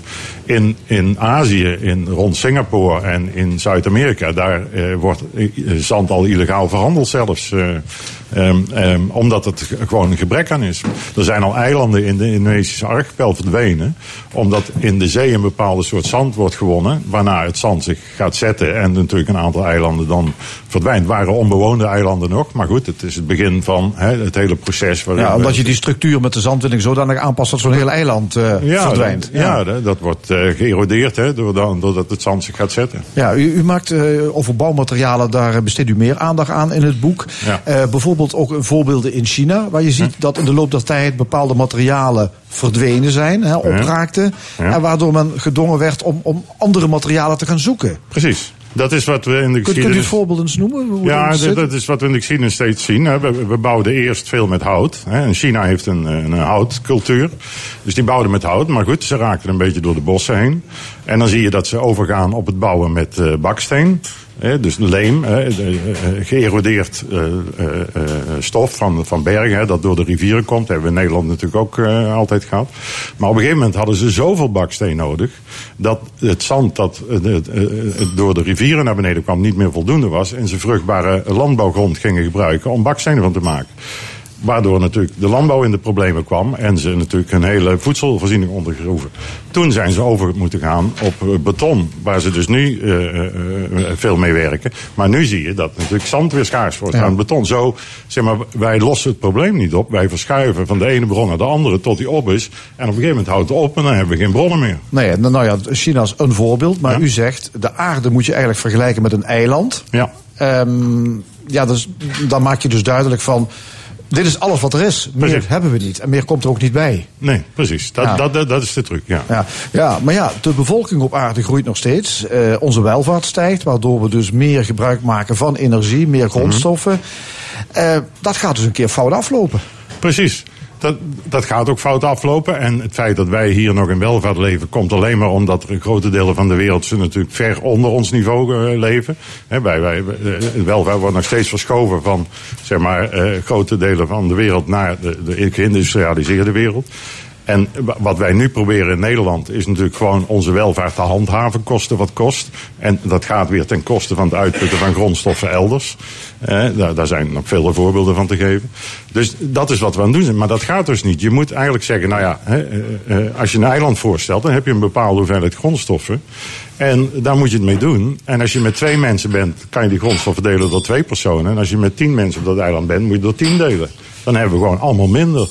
En op de wereld zijn we met 7 miljard en we gaan naar 10 miljard. Nou ja, dan wordt de ho- hoeveelheid per persoon natuurlijk minder. Ja, je, je zou dus kunnen uitrekenen op hoeveel eh, zand we per persoon recht hebben eh, op de wereld, bijvoorbeeld. Precies, als je dat, eh, ja, precies. Je zou het zo heel visueel kunnen maken. Maar je kan het natuurlijk ook zeg maar, op Nederland betrekken. Of op Texel of op Zuid-Limburg. Dan kan je gewoon kijken, wat hebben wij hier?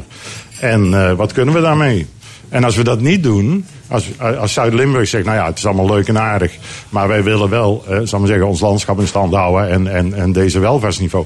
Dat betekent dus dat je moet gaan teren op de buren of eh, het ergens anders vandaan moet halen, waardoor die mensen weer minder hebben. Ja, dat, als dat idee, Ja, als we het eilandidee kan je natuurlijk Ja. op de wereld betrekken, maar ook op Nederland of op, op, op Limburg. En Ja. iedereen die het niet lokaal oplost, die moet teren op de zak van de buren. Ja, maar ja, het probleem is natuurlijk. ehm, we, we blijven toch maar gebruiken omdat we geld hebben. Hè? Dus we Ja. hebben geld, we kopen het gewoon. Ja, dat, dat is precies het grootste probleem dat we hebben. Het is niet dat we het niet zouden willen misschien. Om, hè, want ik, ik noem dat niet duurzaam, maar volhoudbaar. Duurzaam is een term die moeten we niet meer gebruiken. Die heeft te veel verschillende betekenissen gekregen. We moeten volhoudbaar. Hè? Is het volhoudbaar waar wij mee bezig zijn? Nou ja, als je dan het financiële economische systeem neemt... dat werkt dus precies de andere kant op. Dat is helemaal gebouwd op het uitputten van grondstoffen. Hè, dus eh, die, die worden gratis uitgeput, die hebben geen waarde. Eh, en die krijgen pas waarde in de industrie. Maar het uitputten eh, aan zich ervan, dat, dat heeft geen waarde. Dat zand heeft geen waarde. En daarom eh, zal de economie dus altijd de verkeerde kant op werken. Dus Ja. het idee dat wij geld kunnen verdienen met duurzaamheid, of hè, wat ik dan noem volhoudbaarheid, of met, laten we zeggen, high-tech producten, dat, eh, ja, dat is gewoon onzin. Dat betekent alleen maar dat er ergens anders iets fout gaat. Ja, hoe, hoe, hoe kunnen we dit oplossen? Nou, door geld, hè, dat is nergens op gebaseerd tegenwoordig. Hè, dat, dat is gewoon een imaginair eh, systeem. eh, dat alleen maar overeind blijft omdat we er allemaal in geloven. Ja, we, we- Dus- de- deze week trouwens weer heel actueel, hè, door Ja. de Wetenschappelijke Raad voor het Regeringsbeleid, die daar precies. ook over ja. opmerkte. Ja. De- dus dat, we zullen er naartoe moeten dat we geld moeten baseren op een, een, een daadwerkelijke fysische waarde. Dus, eh, nou ja, nu is veel discussie over CO2 als eh, eh, waarde. Hè. CO2-tax, dat is dan een andere vorm om langzaam geld natuurlijk te verbinden aan, aan de klimaatverandering. Maar goed, dat is maar één gevolg. Hè. Klimaatverandering is een gevolg. Dat is geen oorzaak van het probleem. Dat is onze grondstoffen en, en energiegebruik. hè. Dus je zal eigenlijk nog stappen verder moeten gaan. En in mijn boek kom ik tot de conclusie dat je eigenlijk het financiële systeem puur op land zou moeten baseren. Want land is, zal maar zeggen, het productieve middel om zonne-energie, voedsel, materialen eh, eh, te voorzien. En dat is dus eigenlijk de waarde van het systeem dat we hebben, het systeem aarde. Ja. U, u komt trouwens met een, ehm, een land op aarde waarvan u zegt dat zou eigenlijk een mooie blauwdruk zijn voor onze toekomst. Ja, verrassend hè? Ja, het is een land. En welk eh, land zou dat zijn? Ja, nou, nou, laten we dat nog even geheim houden. Ja. Maar, maar eh, omschrijf dus even waarom dat land nou het goed doet, volgens u.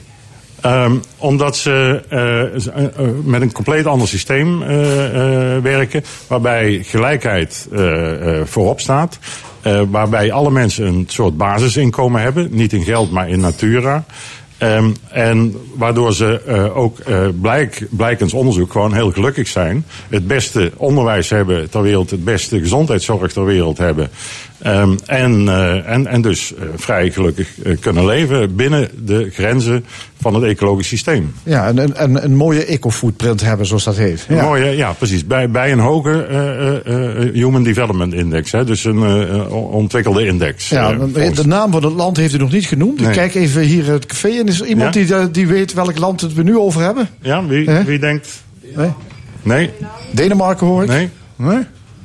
Nee. Iemand? Nee. Nee, het, het, het- Ja, dat is Cuba. Cuba. Ja, Cuba. Dat is echt, eh, als je de, alle onderzoeken bij, zo kwam ik er ook op, blijken ze bovenaan de lijstjes te, te komen staan. Als het gaat om eh, eh, eh, eh, eh, eh, zeg maar gezondheid,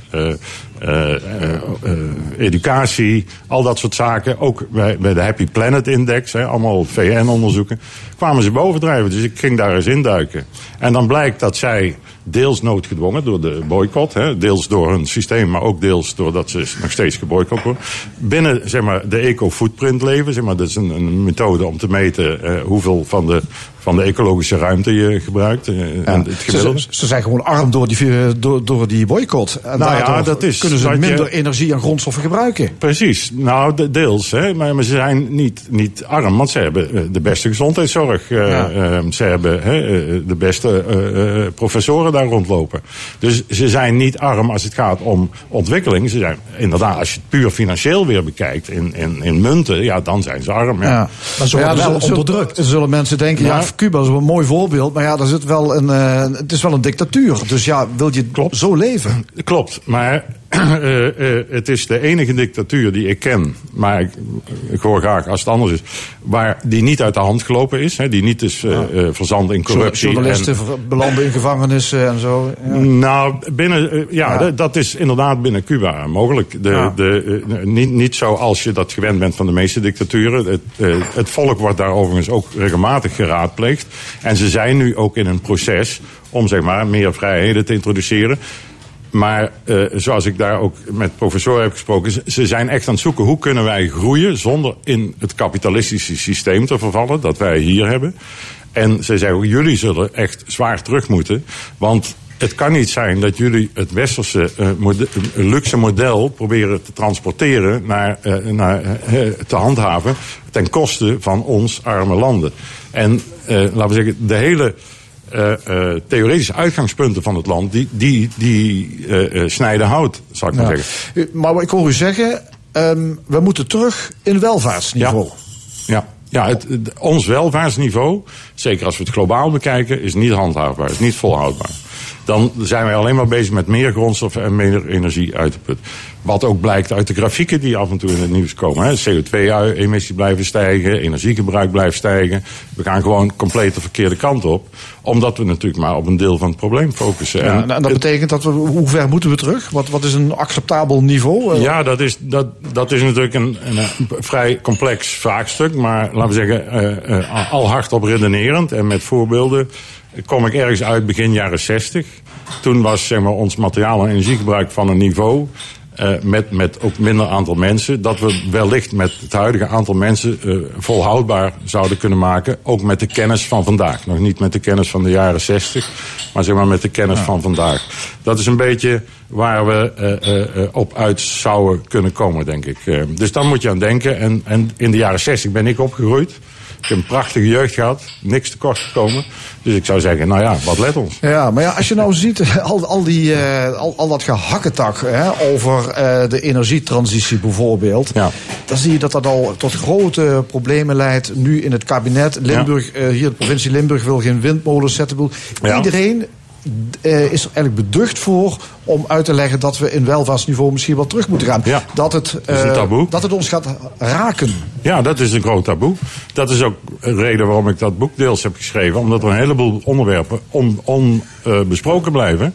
En dit is er één van. het taboe dat we eerst moeten reduceren voordat we ons in high-tech en gaan verliezen. Hè, we moeten, neem uw wasdroger. Ja, die, die proberen we nu energiezuinig te maken. Hè? Zeg je, nou ja, wat is daar mis mee? Energiezuinige wasdroger. Maar voor die wasdroger moeten straks wel windturbines gebouwd worden.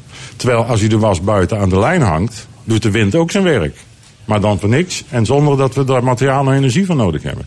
En alleen al voor wasdrogers, ja, in Nederland hebben we 600 windturbines nodig van 2 megawatt op land. In Limburg zouden we 20 windturbines nodig hebben, alleen voor de wasdrogers. Meneer Over, u bent fan van Cuba, zei u er straks. Ja? Zouden onze vrijheden hier in het Westen niet wat meer ingeperkt moeten worden? Oh, juist om dat ecosysteem te redden. Gewoon dwang. Nou, vrijheden, eh, dat ligt eraan wat je precies bedoelt. Maar we zouden wel een aantal beperkingen moeten introduceren, inderdaad. In ons grondstof- en energiegebruik. Ja, maar ja, ik anders, zie- anders gaat het niet werken. Maar ja, als je kijkt, eh, kom ik weer even terug op wat er afgelopen week gebeurde in het kabinet. Waar eh, Klaas Dijkhoff, eh, Eh, meteen gaat uitleggen dat dat hele klimaatakkoord, wat hem betreft, echt niet uitgevoerd zal worden zoals afgesproken. Eh, en hij, hij beseft ook heel goed dat de kiezers hem daarvoor zullen waarderen. Precies, maar eh, wij proberen Dus bedoel, krampachtig onze welvaart te handhaven. Ja. En we hebben nu, eh, nou, sinds een aantal jaar, sinds de jaren negentig, een, een Anglo-Amerikaans liberaal eh, model. Dat gericht is op groei en, en geld verdienen. En dat, ik zeg altijd, als je eraan kan verdienen, dan kan het, kan het niet duurzaam zijn. In het huidige financiële model, dan gaan we alleen maar meer gebruiken. En dat is precies het probleem waar dit kabinet tegenaan loopt. Die probeert dus klimaatmaatregelen te nemen en tegelijkertijd te groeien. Ja, dat gaat gewoon niet samen. Nee, nee, maar het wordt wel steeds gezegd, hè, we, we hoeven die terug. We kunnen toch met technologie kunnen we Ja. heel veel bereiken, ook in die CO2-uitstoot. Ehm, en de ontsnappingsroute, die- dat maakt u ook even gewacht van uw, in uw boek, dat is de zon. Want dat is eigenlijk de enige energiebron die niet opraakt. Precies. Dus kunnen we het met de zon redden? Nou ja, maar om de zon te gebruiken. Kijk, eh, eh, als u hier eh, op straat in de schaduw loopt, hebt u het koud. Loopt u aan de zonkant, hebt u het warm. Dus op die manier kan je de zon gratis voor niks gebruiken. Maar als je zegt, we willen elektriciteit uit ons stopcontact. dan zullen we weer een heleboel materialen moeten investeren. in windturbines en zonnecellen. Ja, want ook daar En- zijn we grondstoffen voor nodig. En dan is de energie wel voor niks. Maar dat geeft aan dat het probleem bij materialen ligt en niet bij energie. Ja. Vegetarisch is de toekomst, tot slot. Ja. Waarom? Nou ja, als je dat allemaal optelt, dan kom je bij vlees, da- daar weet iedereen al. We moeten van eh, zeker het rode vlees af. Dat is echt dramatisch qua impact. Eh, dus we gaan richting vegetarisch eh, eten. Maar datzelfde geldt dus voor bouwmaterialen. We moeten naar hernieuwbare materialen, vegetarische materialen. Dus hout, hennep, vlas als isolatiemateriaal, bamboe straks. En hetzelfde geldt voor zonnecellen. Dan moeten we naar, uiteindelijk naar organische zonnecellen, gemaakt van plantaardige materialen. En die zijn in ontwikkeling, het duurt nog even, maar die, zijn, die komen er ook aan. Ja, u heeft het allemaal beschreven in uw boek Gebroken kringlopen met als ondertitel naar een volhoudbaar gebruik van bronnen.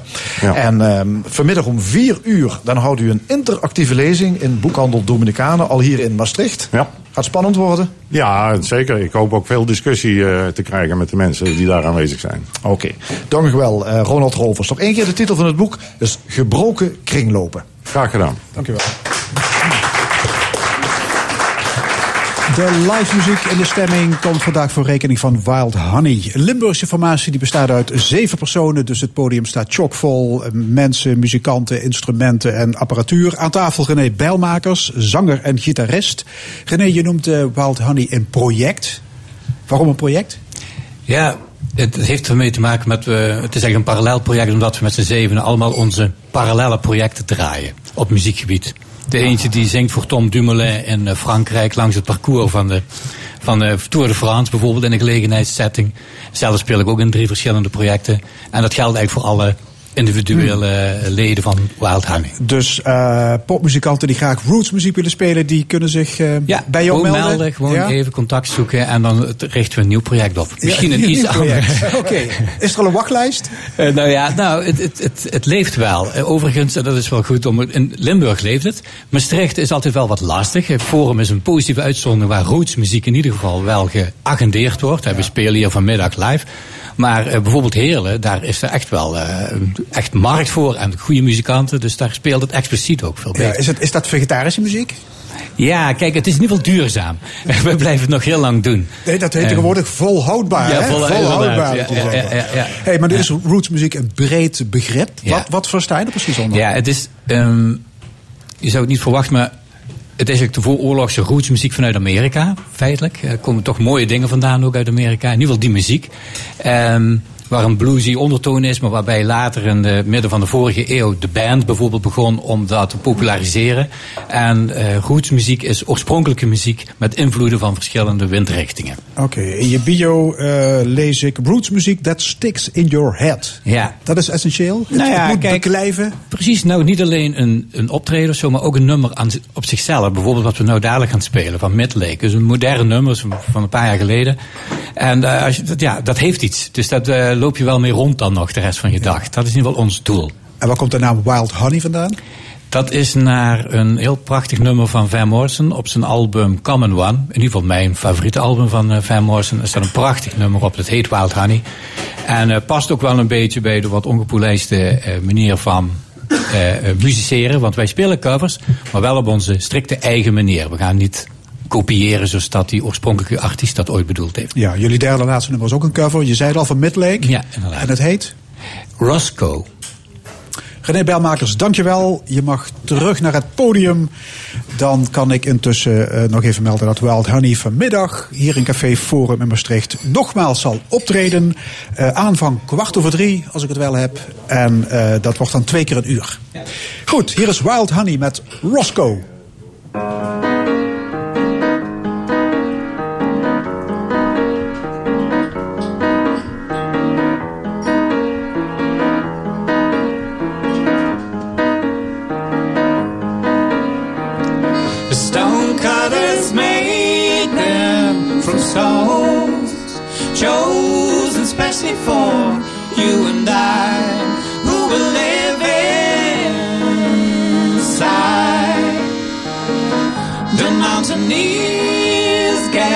Timber piled high, in which to take along, traveling many miles, knowing they got here.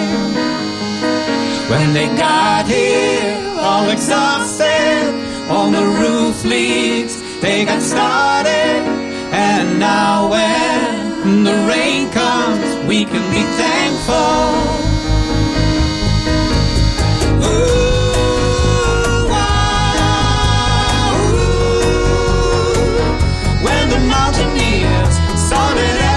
failed, they were glad and so they took off.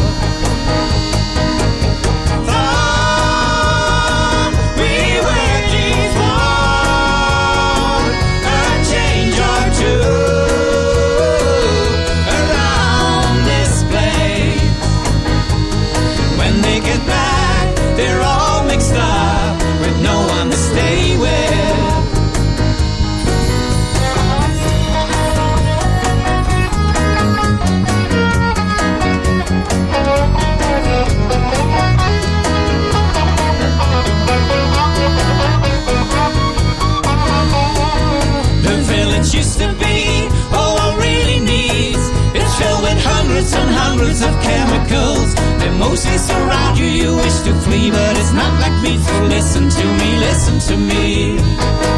Ooh, and when the morning comes, we will step outside. We will not find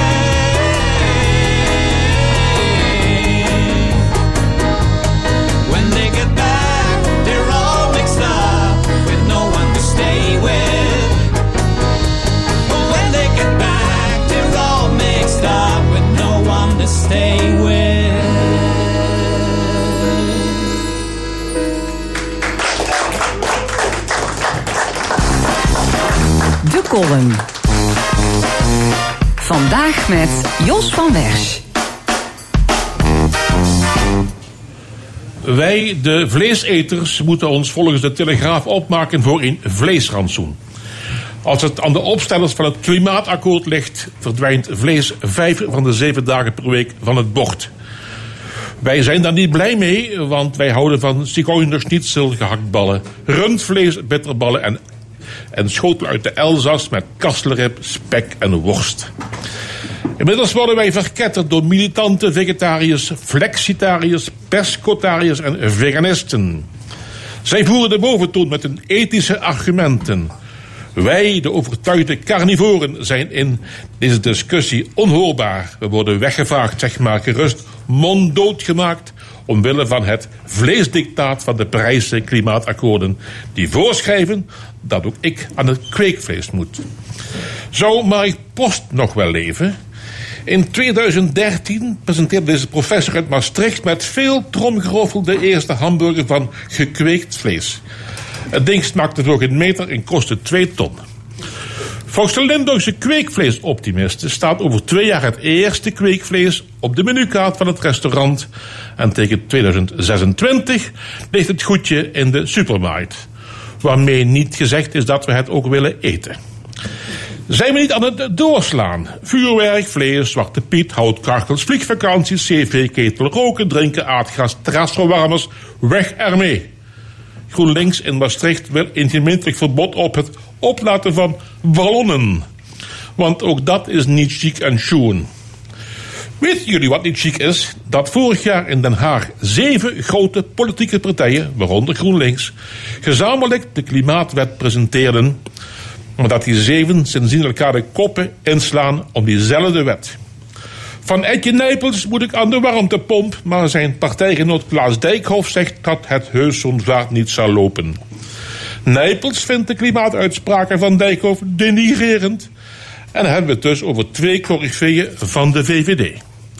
Dijkhoff doet het in dezelfde telegraaf voorkomen of zijn partij opkomt voor mensen met een smalle beurs. Dat wil zeggen tot 20 maart, want dan zijn de provinciale verkiezingen voorbij. Wat zijn we in Limburg dan toch bevoorrecht met zulke verstandige politici, dacht ik na een week met Haagse verkiezingsretoriek. Helaas te vroeg gejuicht, want vrijdag resulteerde de klimaatdiscussie in het Limburgs parlement in Lucky TV met een zachte G. Ik vrees dat ook de Limburgse politiek pas echt wakker wordt als het gaat sneeuwen bij het prevenement.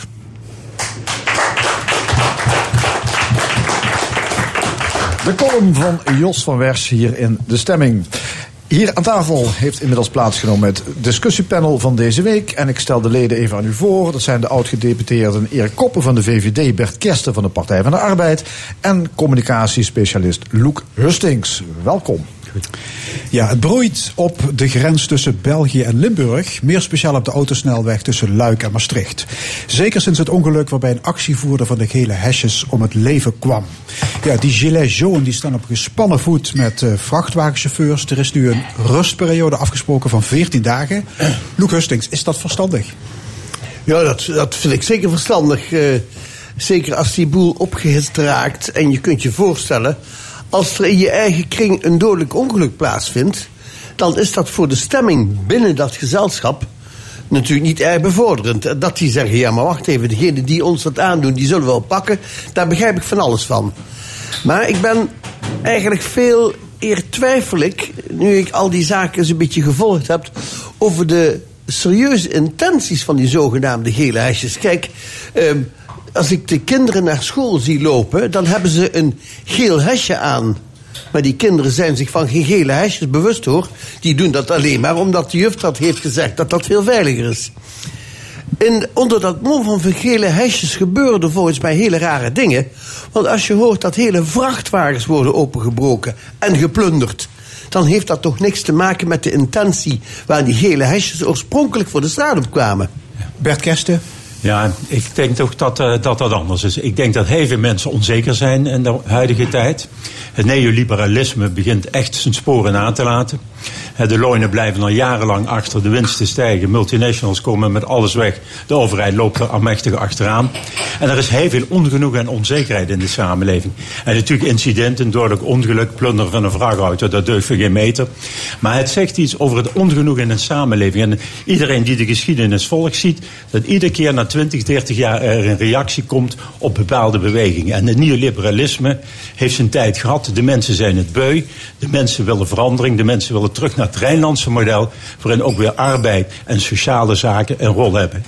En ik denk dat dat een uiting, die, ge die gele vestjes, maar ze zijn okay, er meer maar, zegt, er zijn inmiddels allerlei ongure elementen geïnfiltreerd in die gele hesjes. Dat de chauffeur die betrokken was bij die fatale aanrijding, die zegt... ik werd aangevallen door mannen in het zwart met bivakmutsen... die ja. Ruiten begonnen in te slaan. Maar het ja, is dat is niet bevorderlijk voor een imago. Dat hè? klopt, maar het is net als met alles. Een incident, dat moet je niet verwarren met de stroming die eronder ligt. Als je naar Frankrijk kijkt, waar nog al wekenlang eh, duizenden mensen demonstreren... en ook Macron inziet dat het anders moet, dan kun je dat niet afdoen met het was een incident, dus het deugt niet. Nee, er zit een brede stroom van ongenoeg in die samenleving van mensen die het ook niet meer redden financieel. He, als je de krant leest, ik las uh, in Frankrijk ook, dan moet iemand van 1800 euro met twee kinderen en zijn gezin en werk zo'n 50 uur rondkomen. En de kosten stijgen, maar de belastingdruk gaat omhoog. De mensen redden het niet meer. Er is armoede. 1 op de vijf gezinnen in Engeland heeft armoede. In Nederland 400.000 kinderen onder de armoedegrens. Op een gegeven moment pikken de mensen dat niet meer. En Goed, dat ik is een ongenoeg. andere oud-gedeputeerde Erik Koppen voor de VVD. Sympathie voor de hesjes? Uh, nou, in ieder geval uh, ben ik het niet eens met wat uh, de heer Kersten zegt. Hè. Ik, ben, voor vreed, al, ja. ik ben voor vreedzame protesten. Ja. Maar ik verafschuw alle geweld. Ik vind ook dat dit soort raddraaiers die auto's uit laten branden... en die daardoor ook mensen in onmogelijke posities brengen... dat die gewoon meteen achter de tralies verdwijnen. Um, er is een grens aan wat wij als samenleving moeten accepteren. En waar men voor staat, dat snap ik. Maar dat kan vreedzaam. En het geweld is ja, echt... acties in België en Frankrijk die zijn vaker gewelddadiger, Gewelddadiger, dan in Nederland. ja. Loek Hustings, jij woont in België. Wa- waarom is dat zo? Waar komt die grimmigheid vandaan? Uh, het is eigenlijk heel gek hè, als je bedenkt dat uh, België begint van hier uit gemeten over drie kilometer. Dan ben je in België. De mentaliteit hier over de grens en hier die is totaal hetzelfde. Daar, daar kan ik geen verschil in vinden. Maar het is wel zo dat bijvoorbeeld de rol van de vakbonden, om eens wat te noemen, ehm, door de geschiedenis heen in België en in Frankrijk altijd een veel groter geweest is. En daar is altijd een hoop meer, laten we zeggen, fanatisme aan te pas gekomen bij die vakbonden, wat zich dan soms ook uitmondt in agressie. En ik, volgens mij is, is daar een beetje het begin. Dat is hun stijl van demonstreren en hun stijl van ehm, het, er, het, het laten zien het er niet mee eens te zijn. Syndicalisme en. en Maar het Eh, is het, het er niet mee eens zijn. ehm, ik denk dat er staat ons dan ook veel meer te verwachten. Want Frankrijk moet gewoon nog steeds orde op zaken stellen. Eh, Denk aan het pensioenstelsel. In Nederland hebben wij waardevaste pensioenen. Eh, in, in Frankrijk nog niet. Hè. Dat is een omslagstelsel. Naarmate de bevolking daar vergrijst en er minder werkenden komen en meer niet-werkenden, krijgt men nog minder inkomen. Dus de, de, eh, er is daar nog veel meer aan de hand en er moet nog veel meer bezuinigd ook worden. Eh, van wat wij in Nederland eigenlijk al achter de rug hebben. Waar het nu om gaat in Nederland is niet meer dat we te zwaar in de crisis zitten, maar dat we moeten kijken hoe we, eh, de, wat we wat, waar, waaruit we terugkomen en wat we verdienen, hoe we dat misschien wat eerlijker kunnen verdelen. Maar dat is een andere vraag. Wij zitten voor in een hele andere fase wat dat betreft dan de Fransen. Ja, dat klopt. Frankrijk is natuurlijk wat dat betreft een land wat achtergebleven is. Macron houdt ook toespraken waarin hij eigenlijk vrij eenvoudig roept... de noordelijke rijke landen moeten Frankrijk helpen om onze economie te saneren. Wat natuurlijk wel heel erg makkelijk is. Maar ik blijf van mening dat als je naar Europa kijkt... of je nou naar Duitsland zelfs kijkt... ik kom vaak in Duitsland, in Berlijn... er is veel armoede. En aan die onderkant van de samenleving veel stille armoede. En die mensen die beginnen zich te weren. Die kunnen het gewoon niet meer opbrengen. En ook in Nederland, hè, als je kijkt naar de belastingdruk in Nederland, die is voor arbeid 38 procent. Die is voor eh, bedrijfsleven effectief 7, 8 procent. Terwijl de winsten ieder jaar stijgen. Dat kun je toch niet blijven uitleggen? Dat in Nederland ook de armoede toeneemt. Het Centraal Planbureau begint nou te constateren dat de middengroepen al in de problemen komen. En dat is het begin van verandering, want het kan zo niet doorgaan. Wordt eh, 2019 het jaar van de opstand van de gewone burgers? Absoluut. Dat begint bij de verkiezingen. Dit kabinet die worden helemaal weggestemd. Daar ben ik van overtuigd. En wat we dan overhouden, dat is misschien niet veel beter, want de politiek versplintert. Dat vind ik natuurlijk ook een groot maatschappelijk probleem. Dat je ook allerlei, ja, zeg maar, populistische partijen ziet die dat wel makkelijk roepen, maar naar mij die er inhoudelijk ook geen oplossingen voor de problematiek hebben.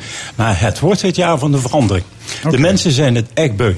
Gouverneur Theo Bovens die had trouwens op zijn nieuwjaarsreceptie een wit hesje aangetrokken. Met op de achterzijde de tekst: Limburg loopt lekker. Hij zei: Ik sta in dit hesje om te verklaren dat het hier eigenlijk best wel lekker loopt. Wat vinden jullie van dit statement van de gouverneur? Absoluut waar. Ehm, we moeten ervoor zorgen dat we veel meer dat positivisme uitdragen. We kunnen samen veel meer bereiken eh, dan in de afgelopen jaren. Limburg staat er ook beter voor. Hè, Bert was er ook betrokken bij de opzet van de campussen. Het heeft enorm veel reuring gebracht. Eh, en naar de, naar de toekomst toe verwacht ons, heb ik wel eens vaker gezegd, een gouden eeuw als Limburg. We hebben de zaak op orde en we hebben de basis gelegd voor de toekomst. Maar die- diezelfde gouverneur houdt ook een toespraak en die is heel serieus, waarin die zegt: de overheid doet een heel, veel te groot beroep op mensen. Ze verwachten te veel van mensen. En eigenlijk is daar die ondertoon hetzelfde. Maatschappelijk, sociaal, maatschappelijk zijn we mensen aan de onderkant kwijt aan het raken. En laten we nou zorgen dat dat niet gebeurt. En een rijk land, Erik heeft gelijk, we zijn rijk. Maar waarom is het dan zo ongelijk verdeeld? Waarom hebben die honderdduizenden kinderen onder de armoedegrens? Waarom hebben we geen leraren voor, de, voor het goede onderwijs? Waarom doen we te weinig innovatie? Het is ook een stuk visie wat ontbreekt bij dit kabinet. Rutte is heel handig in deeltjes sluiten op de korte termijn. Maar op een visie heb ik hem inderdaad, dat zegt hij trouwens zelf ook, nog nauwelijks kunnen betrappen. En we mogen zeggen, het gaat lekker, maar het kan altijd beter.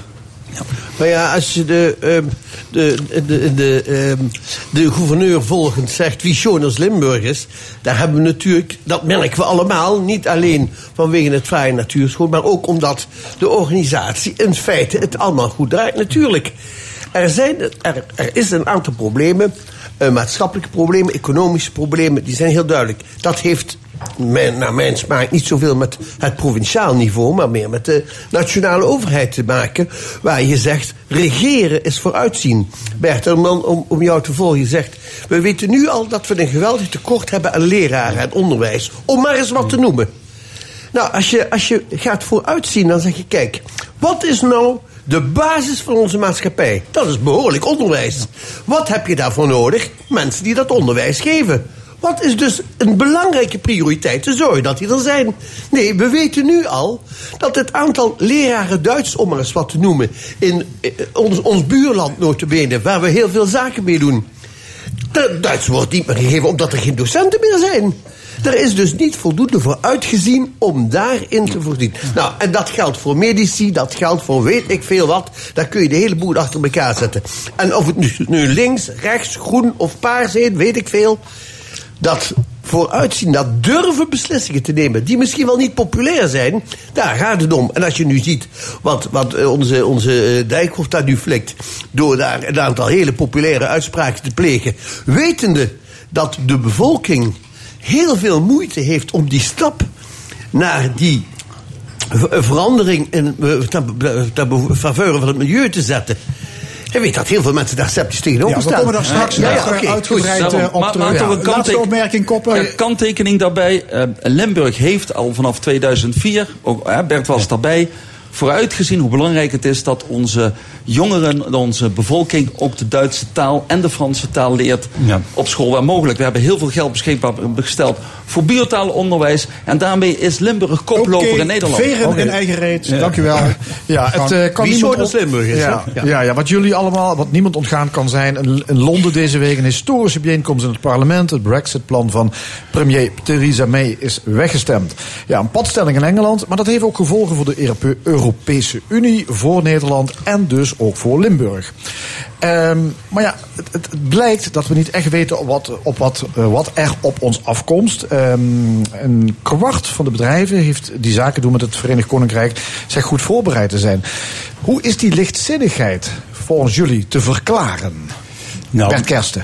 Ik denk niet dat we lichtzinnig zijn, maar ik denk ook dat er weer angstbelen worden opgeroepen. Als je nou nagaat dat we voor de EU overal invoerrechten en douanefaciliteiten hadden, en toen liep het ook allemaal. Ik wil er alleen maar mee zeggen, zelfs bij een harde brexit zal het niet zo'n ramp worden als iedereen voorspelt. Tegelijkertijd denk ik dat beide partijen er geen baan bij hebben, dus het komt waarschijnlijk ook niet zo ver. Wat natuurlijk interessant is, waar leidt het uiteindelijk toe? Wordt er nou toch een einde aan die brexit, dat men toch binnen de EU blijft Ja, uiteindelijk? wil, wil ik zo meteen opkomen. Ja. Maar even de, de, situatie, hoe wij het onder controle hebben. Jij Ja. zegt van, eh, ik, zie, ik zie het allemaal niet, zo geweldig maar dat is ook lopen. Want wie gaat als ondernemer nu in, in, in investeren in toekomstige ontwikkelingen als je niet weet hoe die eruit zien? Er moet eerst zekerheid komen wat er is en dan. eh, zullen mensen moeten- allen ja. heel veel meters moeten maken. En dat, Ja. dat is niet anders. Maar dat het voor Limburg grote consequenties heeft, dat is helder. Denk aan een fantastisch bedrijf wat we hebben, hè, Daily eh, Fresh uit Geleen. Die heel veel exporteren naar Engeland. Het zijn allemaal verse, agrarische goederen. Kant-en-klaar maaltijden.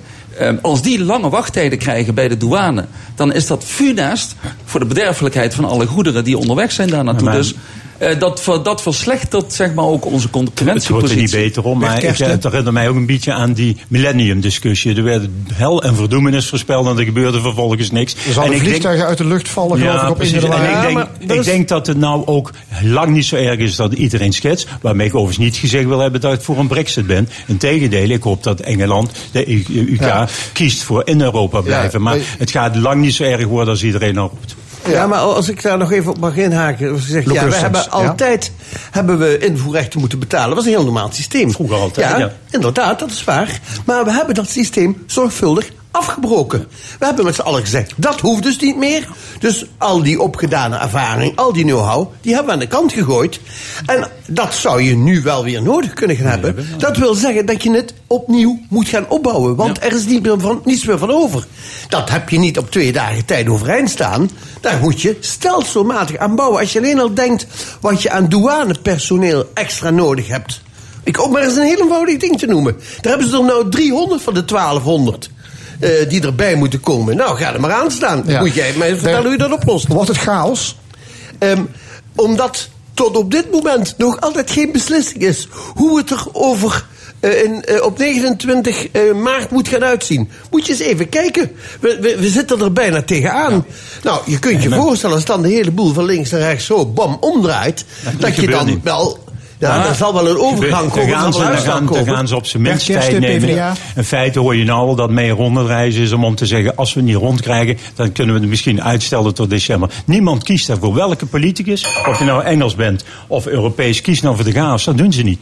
Dus ze gunnen elkaar de tijd. Je merkt nou al aan de opstelling van de EU... dat ze begripvol zijn, dat ze mee willen denken. En dat leidt er op zijn minst toe, als ze het niet eens worden... dat er uitstel komt. Ja, dus er gebeurt zal- over twee is weken niks. Het is natuurlijk een drama wat er is gebeurd. Ehm, maar het is wel heel goed voor iedereen die dadelijk naar de stembus gaan om na te gaan. Zijn wij in Nederland ook voor een nexus? Wat betekent het voor niet- ons land als we in zo'n situatie Ik geloof terechtkomen? niet dat die discussie nog eh, actueel is. Hè? Nou, er zijn een paar partijen die, eh, die het nog hoog in het vaandel hebben. Ja, en tot nu toe trokken de 27 EU-landen buiten het Verenigd Koninkrijk gezamenlijk op in die onderhandelingen met de Brexit. Eh, maar zal deze situatie nu misschien de druk op de ketel zo hoog doen oplopen dat er concessies toch gedaan gaan worden vanuit de EU? Of dat de, de landen misschien uit elkaar gespeeld gaan worden? Omdat de belangen natuurlijk per land anders zijn. Nou ja, kijk eens, je gaat er nu van uit dat het zo'n grote eenheid is, Europa. Dat is het natuurlijk helemaal Nee, niet. nee Er maar in die Brexit-onderhandelingen zag je wel Ja. dat Europa met één mond sprak. Ja, tot nu toe. Juist. Maar er waren nog geen problemen. Kijk, het is, het is wat je zegt. Als er druk op de ketel komt, dan wordt alles vloeibaar. Dan kun je dat wel eens hebben dat het ineens heel anders gaat lopen. Dus daar, dat, dat kan ik niet vooruitzien. Nee, maar kijk, eh, iedereen in Europa heeft- vindt eigenlijk dat die Engelsen een eh, dom besluit hebben genomen. Die Cameron, die met het uitschrijven van zijn referendum uit eigen politiek gewin, die dacht, dat loopt zo'n ver niet. Dat is de blunder van de EU daar geweest, om die inschatting verkeerd te maken. En nou zitten ze zelf op de blaren. En in Europa zit er ook niemand op te wachten. Dus vandaar dat het voor Europa relatief makkelijk was om één front te vormen. Nou, ik, ik denk, want kijk, eerst lag de bal eigenlijk bij Europa om samen met Engeland een voorstel te maken. Dat is afgewezen. Nu ligt de bal toch echt de hete aardappelen op het bord van de Engelsen zelf. En Europa kan nu gewoon achterover gaan zitten en zegt: jongens, zorg maar eerst dat je het eens wordt onderling. En dan zien we wel wat er op tafel komt. En dan kunnen we Ja. ook ons beraden op wat we daarmee doen. Maar als, dat, als dat niet gebeurt aan de Engelse kant, dan hebben we toch die harde brexit dadelijk. ja, maar, maar, maar er, is, er is binnen Engeland wel enorme grote verdeeldheid over deze kwestie hoor. Want weet je, toen. eh, De jeugd bijvoorbeeld is massaal niet gaan stemmen. Toen die Brexit-kwestie aan de orde was. Die dacht, dat komt allemaal wel goed. Laat ze daar maar aanrommelen in Londen. Toen ineens bleek dat men massaal aanvoer koos om uit Europa te stappen. Om soms hele chauvinistische en dwaze redenen. Toen zegt de jeugd, ja maar hallo jongens. Jullie oude knarren zijn onze toekomst aan het verkankeren. Wij hebben dat Europa nodig. Dus vanaf dat moment is er binnen eh, Engeland een grote verdeeldheid. Die steeds verder uit elkaar groeit. Dus en nieuw referendum? wordt. Ik denk als er een nieuw referendum zou komen, dat de uitslag wel eens heel anders zou zijn. Maar weet je wat het nou het gekke van dat eiland is? En dat hoor je mensen over hun soevereiniteit ook steeds maar kakelen. Er zijn veel Engelsen die ervan uitgaan. Rule Britannia, Britannia rules the waves. Ja, dat is waar eenmaal. Ja, Dat dat is- Britannia rules niks waves meer. Maar in de gedachten van die Engelsen is dat nog altijd Nee, maar, een heel maar- maar levendig dat valt mij ook op. Ja, dat Engeland nog steeds dat beeld heeft van een wereldmacht. Die echt heel autonoom in, in dat proces kunnen staan. En dan zie je binnen die conservatieve partijen allerlei tegenstellingen. En de oppositie die heeft weer politieke doelstellingen. Namelijk nieuwe verkiezingen. En zo worden ze het dus totaal niet eens. En in feite zijn ze hun eigen ruiten voor zijn gooien. zou het mogelijk zijn dat die hele brexit misschien helemaal niet doorgaat? Ik denk het wel, Ja, ja. die zit erin. Die kans zit erin, zeker. Ik denk het wel. Oké, terug eh, naar eigen land. Het klimaatbeleid, het is al gezegd in deze uitzending, zorgt voor spanning in het kabinet. Het geruchtmakende Telegraaf-interview met Klaas Dijkhoff is een knauw voor het vertrouwen hè, tussen de vier coalitiepartners. Erik Koppen, je bent van de VVD. Ligt eh, eh, Dijkhoff op ramkoers? Nee, helemaal niet. Ik denk dat eh, wat Dijkhoff, Dijkhoff te- terecht doet, is eh, de zaak nuanceren. Kijk, we praten over een verhaal wat de komende tien, nee, maar VVD tientallen jaren, statement van de week, volgens mij. Wat de komende tientallen jaren eh, eh, een groot project wat we uit moeten gaan voeren. Waar we het nog niet 100% over eens zijn. Er liggen voorstellen op tafel, maar die moeten allemaal nog doorberekend worden. En dan moeten keuzes worden Ja, gemaakt. het zijn 600 en, nee, en, voorstellen, En terecht, ja, en terecht. Heel veel mensen maken zich daar zorgen over. Heel veel mensen denken dat het in de kortst mogelijke tijd moet worden uitgevoerd. En dat de mensen daarvoor de rekening moeten betalen. Nou, dat verhaal, dat moet inderdaad van tafel Ja. af. Want als je dat niet doet, dan luister je ook niet Ja. naar de burgers. En terwijl er heel vaak gezegd wordt. De VVD luistert niet naar de burgers. Nou, doen we het een keer. Nou, luisteren we naar het Ja, onderzoek wat er is. zijn, ja. Nee, nee, nee. de Wordt, wordt de rekening voor de energietransitie te veel neergelegd bij de gewone burger? Nee, we weten helemaal de niet hoe die rekening Nee, maar, maar als je nou kijkt, hè, dat is 72% van de CO-uitstoot wordt door het bedrijfsleven veroorzaakt. En als je dan ziet met welke voorstellen ze daar komen, ja, dan is dat natuurlijk verslagen absurd. Nou, Dijkhoff voelt dat, de Telegraaf wakkert die discussie natuurlijk aan. En dan gaat meneer ineens samen met Rutte, vlak voor de verkiezingen, allerlei buitenuitspraken staan. Van in elkaar slaan tot en met eh, eh, dan maar kies ik voor het volk. Maar het is natuurlijk voor de tribune en voor de verkiezingen. Wat zou moeten, is natuurlijk dat er een rechtvaardige verdeling komt. En niet zoveel paniekvoetbal gespeeld wordt. Want Jos van Wers in zijn column typeerde het goed. Het is een, een non-discussie onderhand. Niemand weet meer waar het over gaat. Maar één ding is zeker. Het bedrijfsleven wordt weer volledig ontzien. Maar wat is nou meer dan wil ik dat er een CO2-heffing voor het bedrijfsleven komt. De veruit grootste vervuiler, 72 procent. En die krijgen dan subsidies om misschien wel te willen innoveren. Terwijl de burger allemaal meteen de portemonnee moet trekken. Ja, en dan zegt Dijkhoff, ik kom op voor het volk. En, dan- en dan mag Dijkhoff dat wel zeggen, maar in feite spreekt hij eerst iets anders af. Als er geen verkiezingen nu zouden zijn, zou de tekst van Dijkhoff heel anders zijn. Daar kun je zeker van zijn. Koppen? Eh, die, ja, ja, beslist. Maar dat doen alle partijen. Alle partijen profileren zich in tijd van verkiezingen. En dat is helemaal niet erg, want dan weten de mensen ook wat ze aan die partijen hebben. En het is aan partijen om te laten zien of ze wel of niet luisteren naar burgers. Maar er zijn er ook die zijn altijd met het milieu bezig, terwijl sommigen ineens deze gelegenheid Ja, maar er zijn er ook die weglopen zoals GroenLinks, die de kans hebben om wat eh, in de regering eh, mee te helpen bewerkstelligen. Nee, die laten en die die kans gewoon op. laten lopen. Ja, maar, maar Erik, het gaat er ook om. Kijk, als je nou bijvoorbeeld hebt over waar we het dus straks over hebben. Rutte roept al jaar in jaar uit, volgend jaar wordt het beter. Alleen het probleem is dat de mensen niet merken. En op een gegeven moment geloven ze je dus niet meer. Dat is ook dat ongenoeg in die samenleving. En daar gaat het nou om. Wat is nou waar, maar maakt die VVD waar? Ze sluiten een akkoord en vervolgens komt Dijkhoff. Omdat hij merkt dat het voor wat verkeerd valt. En omdat er verkiezingen komen, gaat hij een diametraal verhaal houden. Ja, en wat wel- is het vervelende daarvan? Buma van het CDA, die roept dat al langer. En dan gaat Dijkhoff ermee vandoor. Dat geeft zoveel spanning Ja, in die Buma zegt dat de coalitie. Prosecco drinkende Ja. Tesla-rijder het allemaal wel kan betalen. Ja, ja, die, die wel, ja. Maar ik voorspel je, dit kabinet zit niet lang meer. Er is zoveel oneenigheid. En terechte oneenigheid. Hè? Want dat, Dat valt bij elkaar. zien. Dat valt Daar bij elkaar. niks van. Nou, daar zou ik nog een fles wijn op durven te wedden. Die zitten nog een paar maanden. Nou, Na ja. de verkiezingen vallen die uit elkaar. Ik weet niet of ze de rit helemaal uitzingen. Maar eh, ik denk toch dat als je over de bot genomen hebt... we kunnen niet alleen zeggen, is wie schon als Limburgers... maar ik denk dat er ook best wel geen- veel mensen vinden die... Die hebben geen meerderheid meer in de Eerste Kamer. Die oppositie is zo getergd. Die werken aan 0, niks meer mee. Ook omdat er geen enkele handreiking is gedaan bij de coalitievorming. En toen heeft de oppositie gezegd, laat ons meedenken. Nee, de deur werd dichtgegooid. Nou, na deze verkiezingen gooit de oppositie Ja, maar dat de deur En dicht. Dijkhoff zinspeelt op een kabinetsbreuk. Hè? Is, dat, is dat verstandig? Nou, kijk, hij, hij- ik- eh, zijn zin spelen op. Ehm, hij geeft aan dat die mogelijkheid er zou kunnen bestaan. Ja, hij zei, als zei- ik hij of, trekt het een kab- grens. of het kabinet of de burger moet laten vallen... Ja. de burger zal ik nooit laten vallen. Dat is zo. Blijft over. Blijft even ook niet. Ja, nee, maar goed, even los, even los daarvan. Die Eerste Kamer, is die cruciaal? Ehm, in heel veel opzichten wel, maar ook weer niet. Er zijn al zoveel wetsvoorstellen door dit kabinet, door de Eerste en de Tweede Kamer heen geloodst, dat ze de komende jaren nog heel veel werk hebben aan de uitvoering daarvan. Het enige wat het betekent als de Eerste Kamer, als ze daar hun meerderheid in verliezen, is dat in hoge mate gevoelige onderwerpen die dit kabinet nog in het regeerakkoord heeft staan, in die periode niet door die Eerste Kamer heen krijgt. Maar is dat een ramp? Nee, want Nederland moet gewoon goed bestuurd worden, klaar. Maar ja, regeren is vooruitzien. Als dus dingen stagneren in de Eerste Kamer...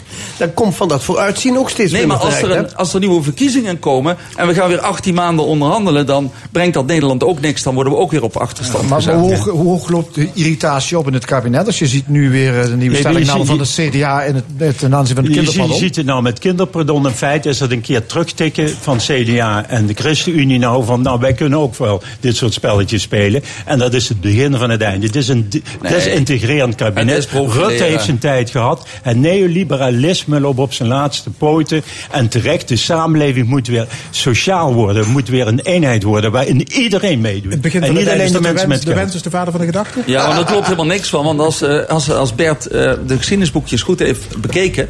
dan zie je dat het liberalisme eigenlijk constant stijgt door de jaren heen.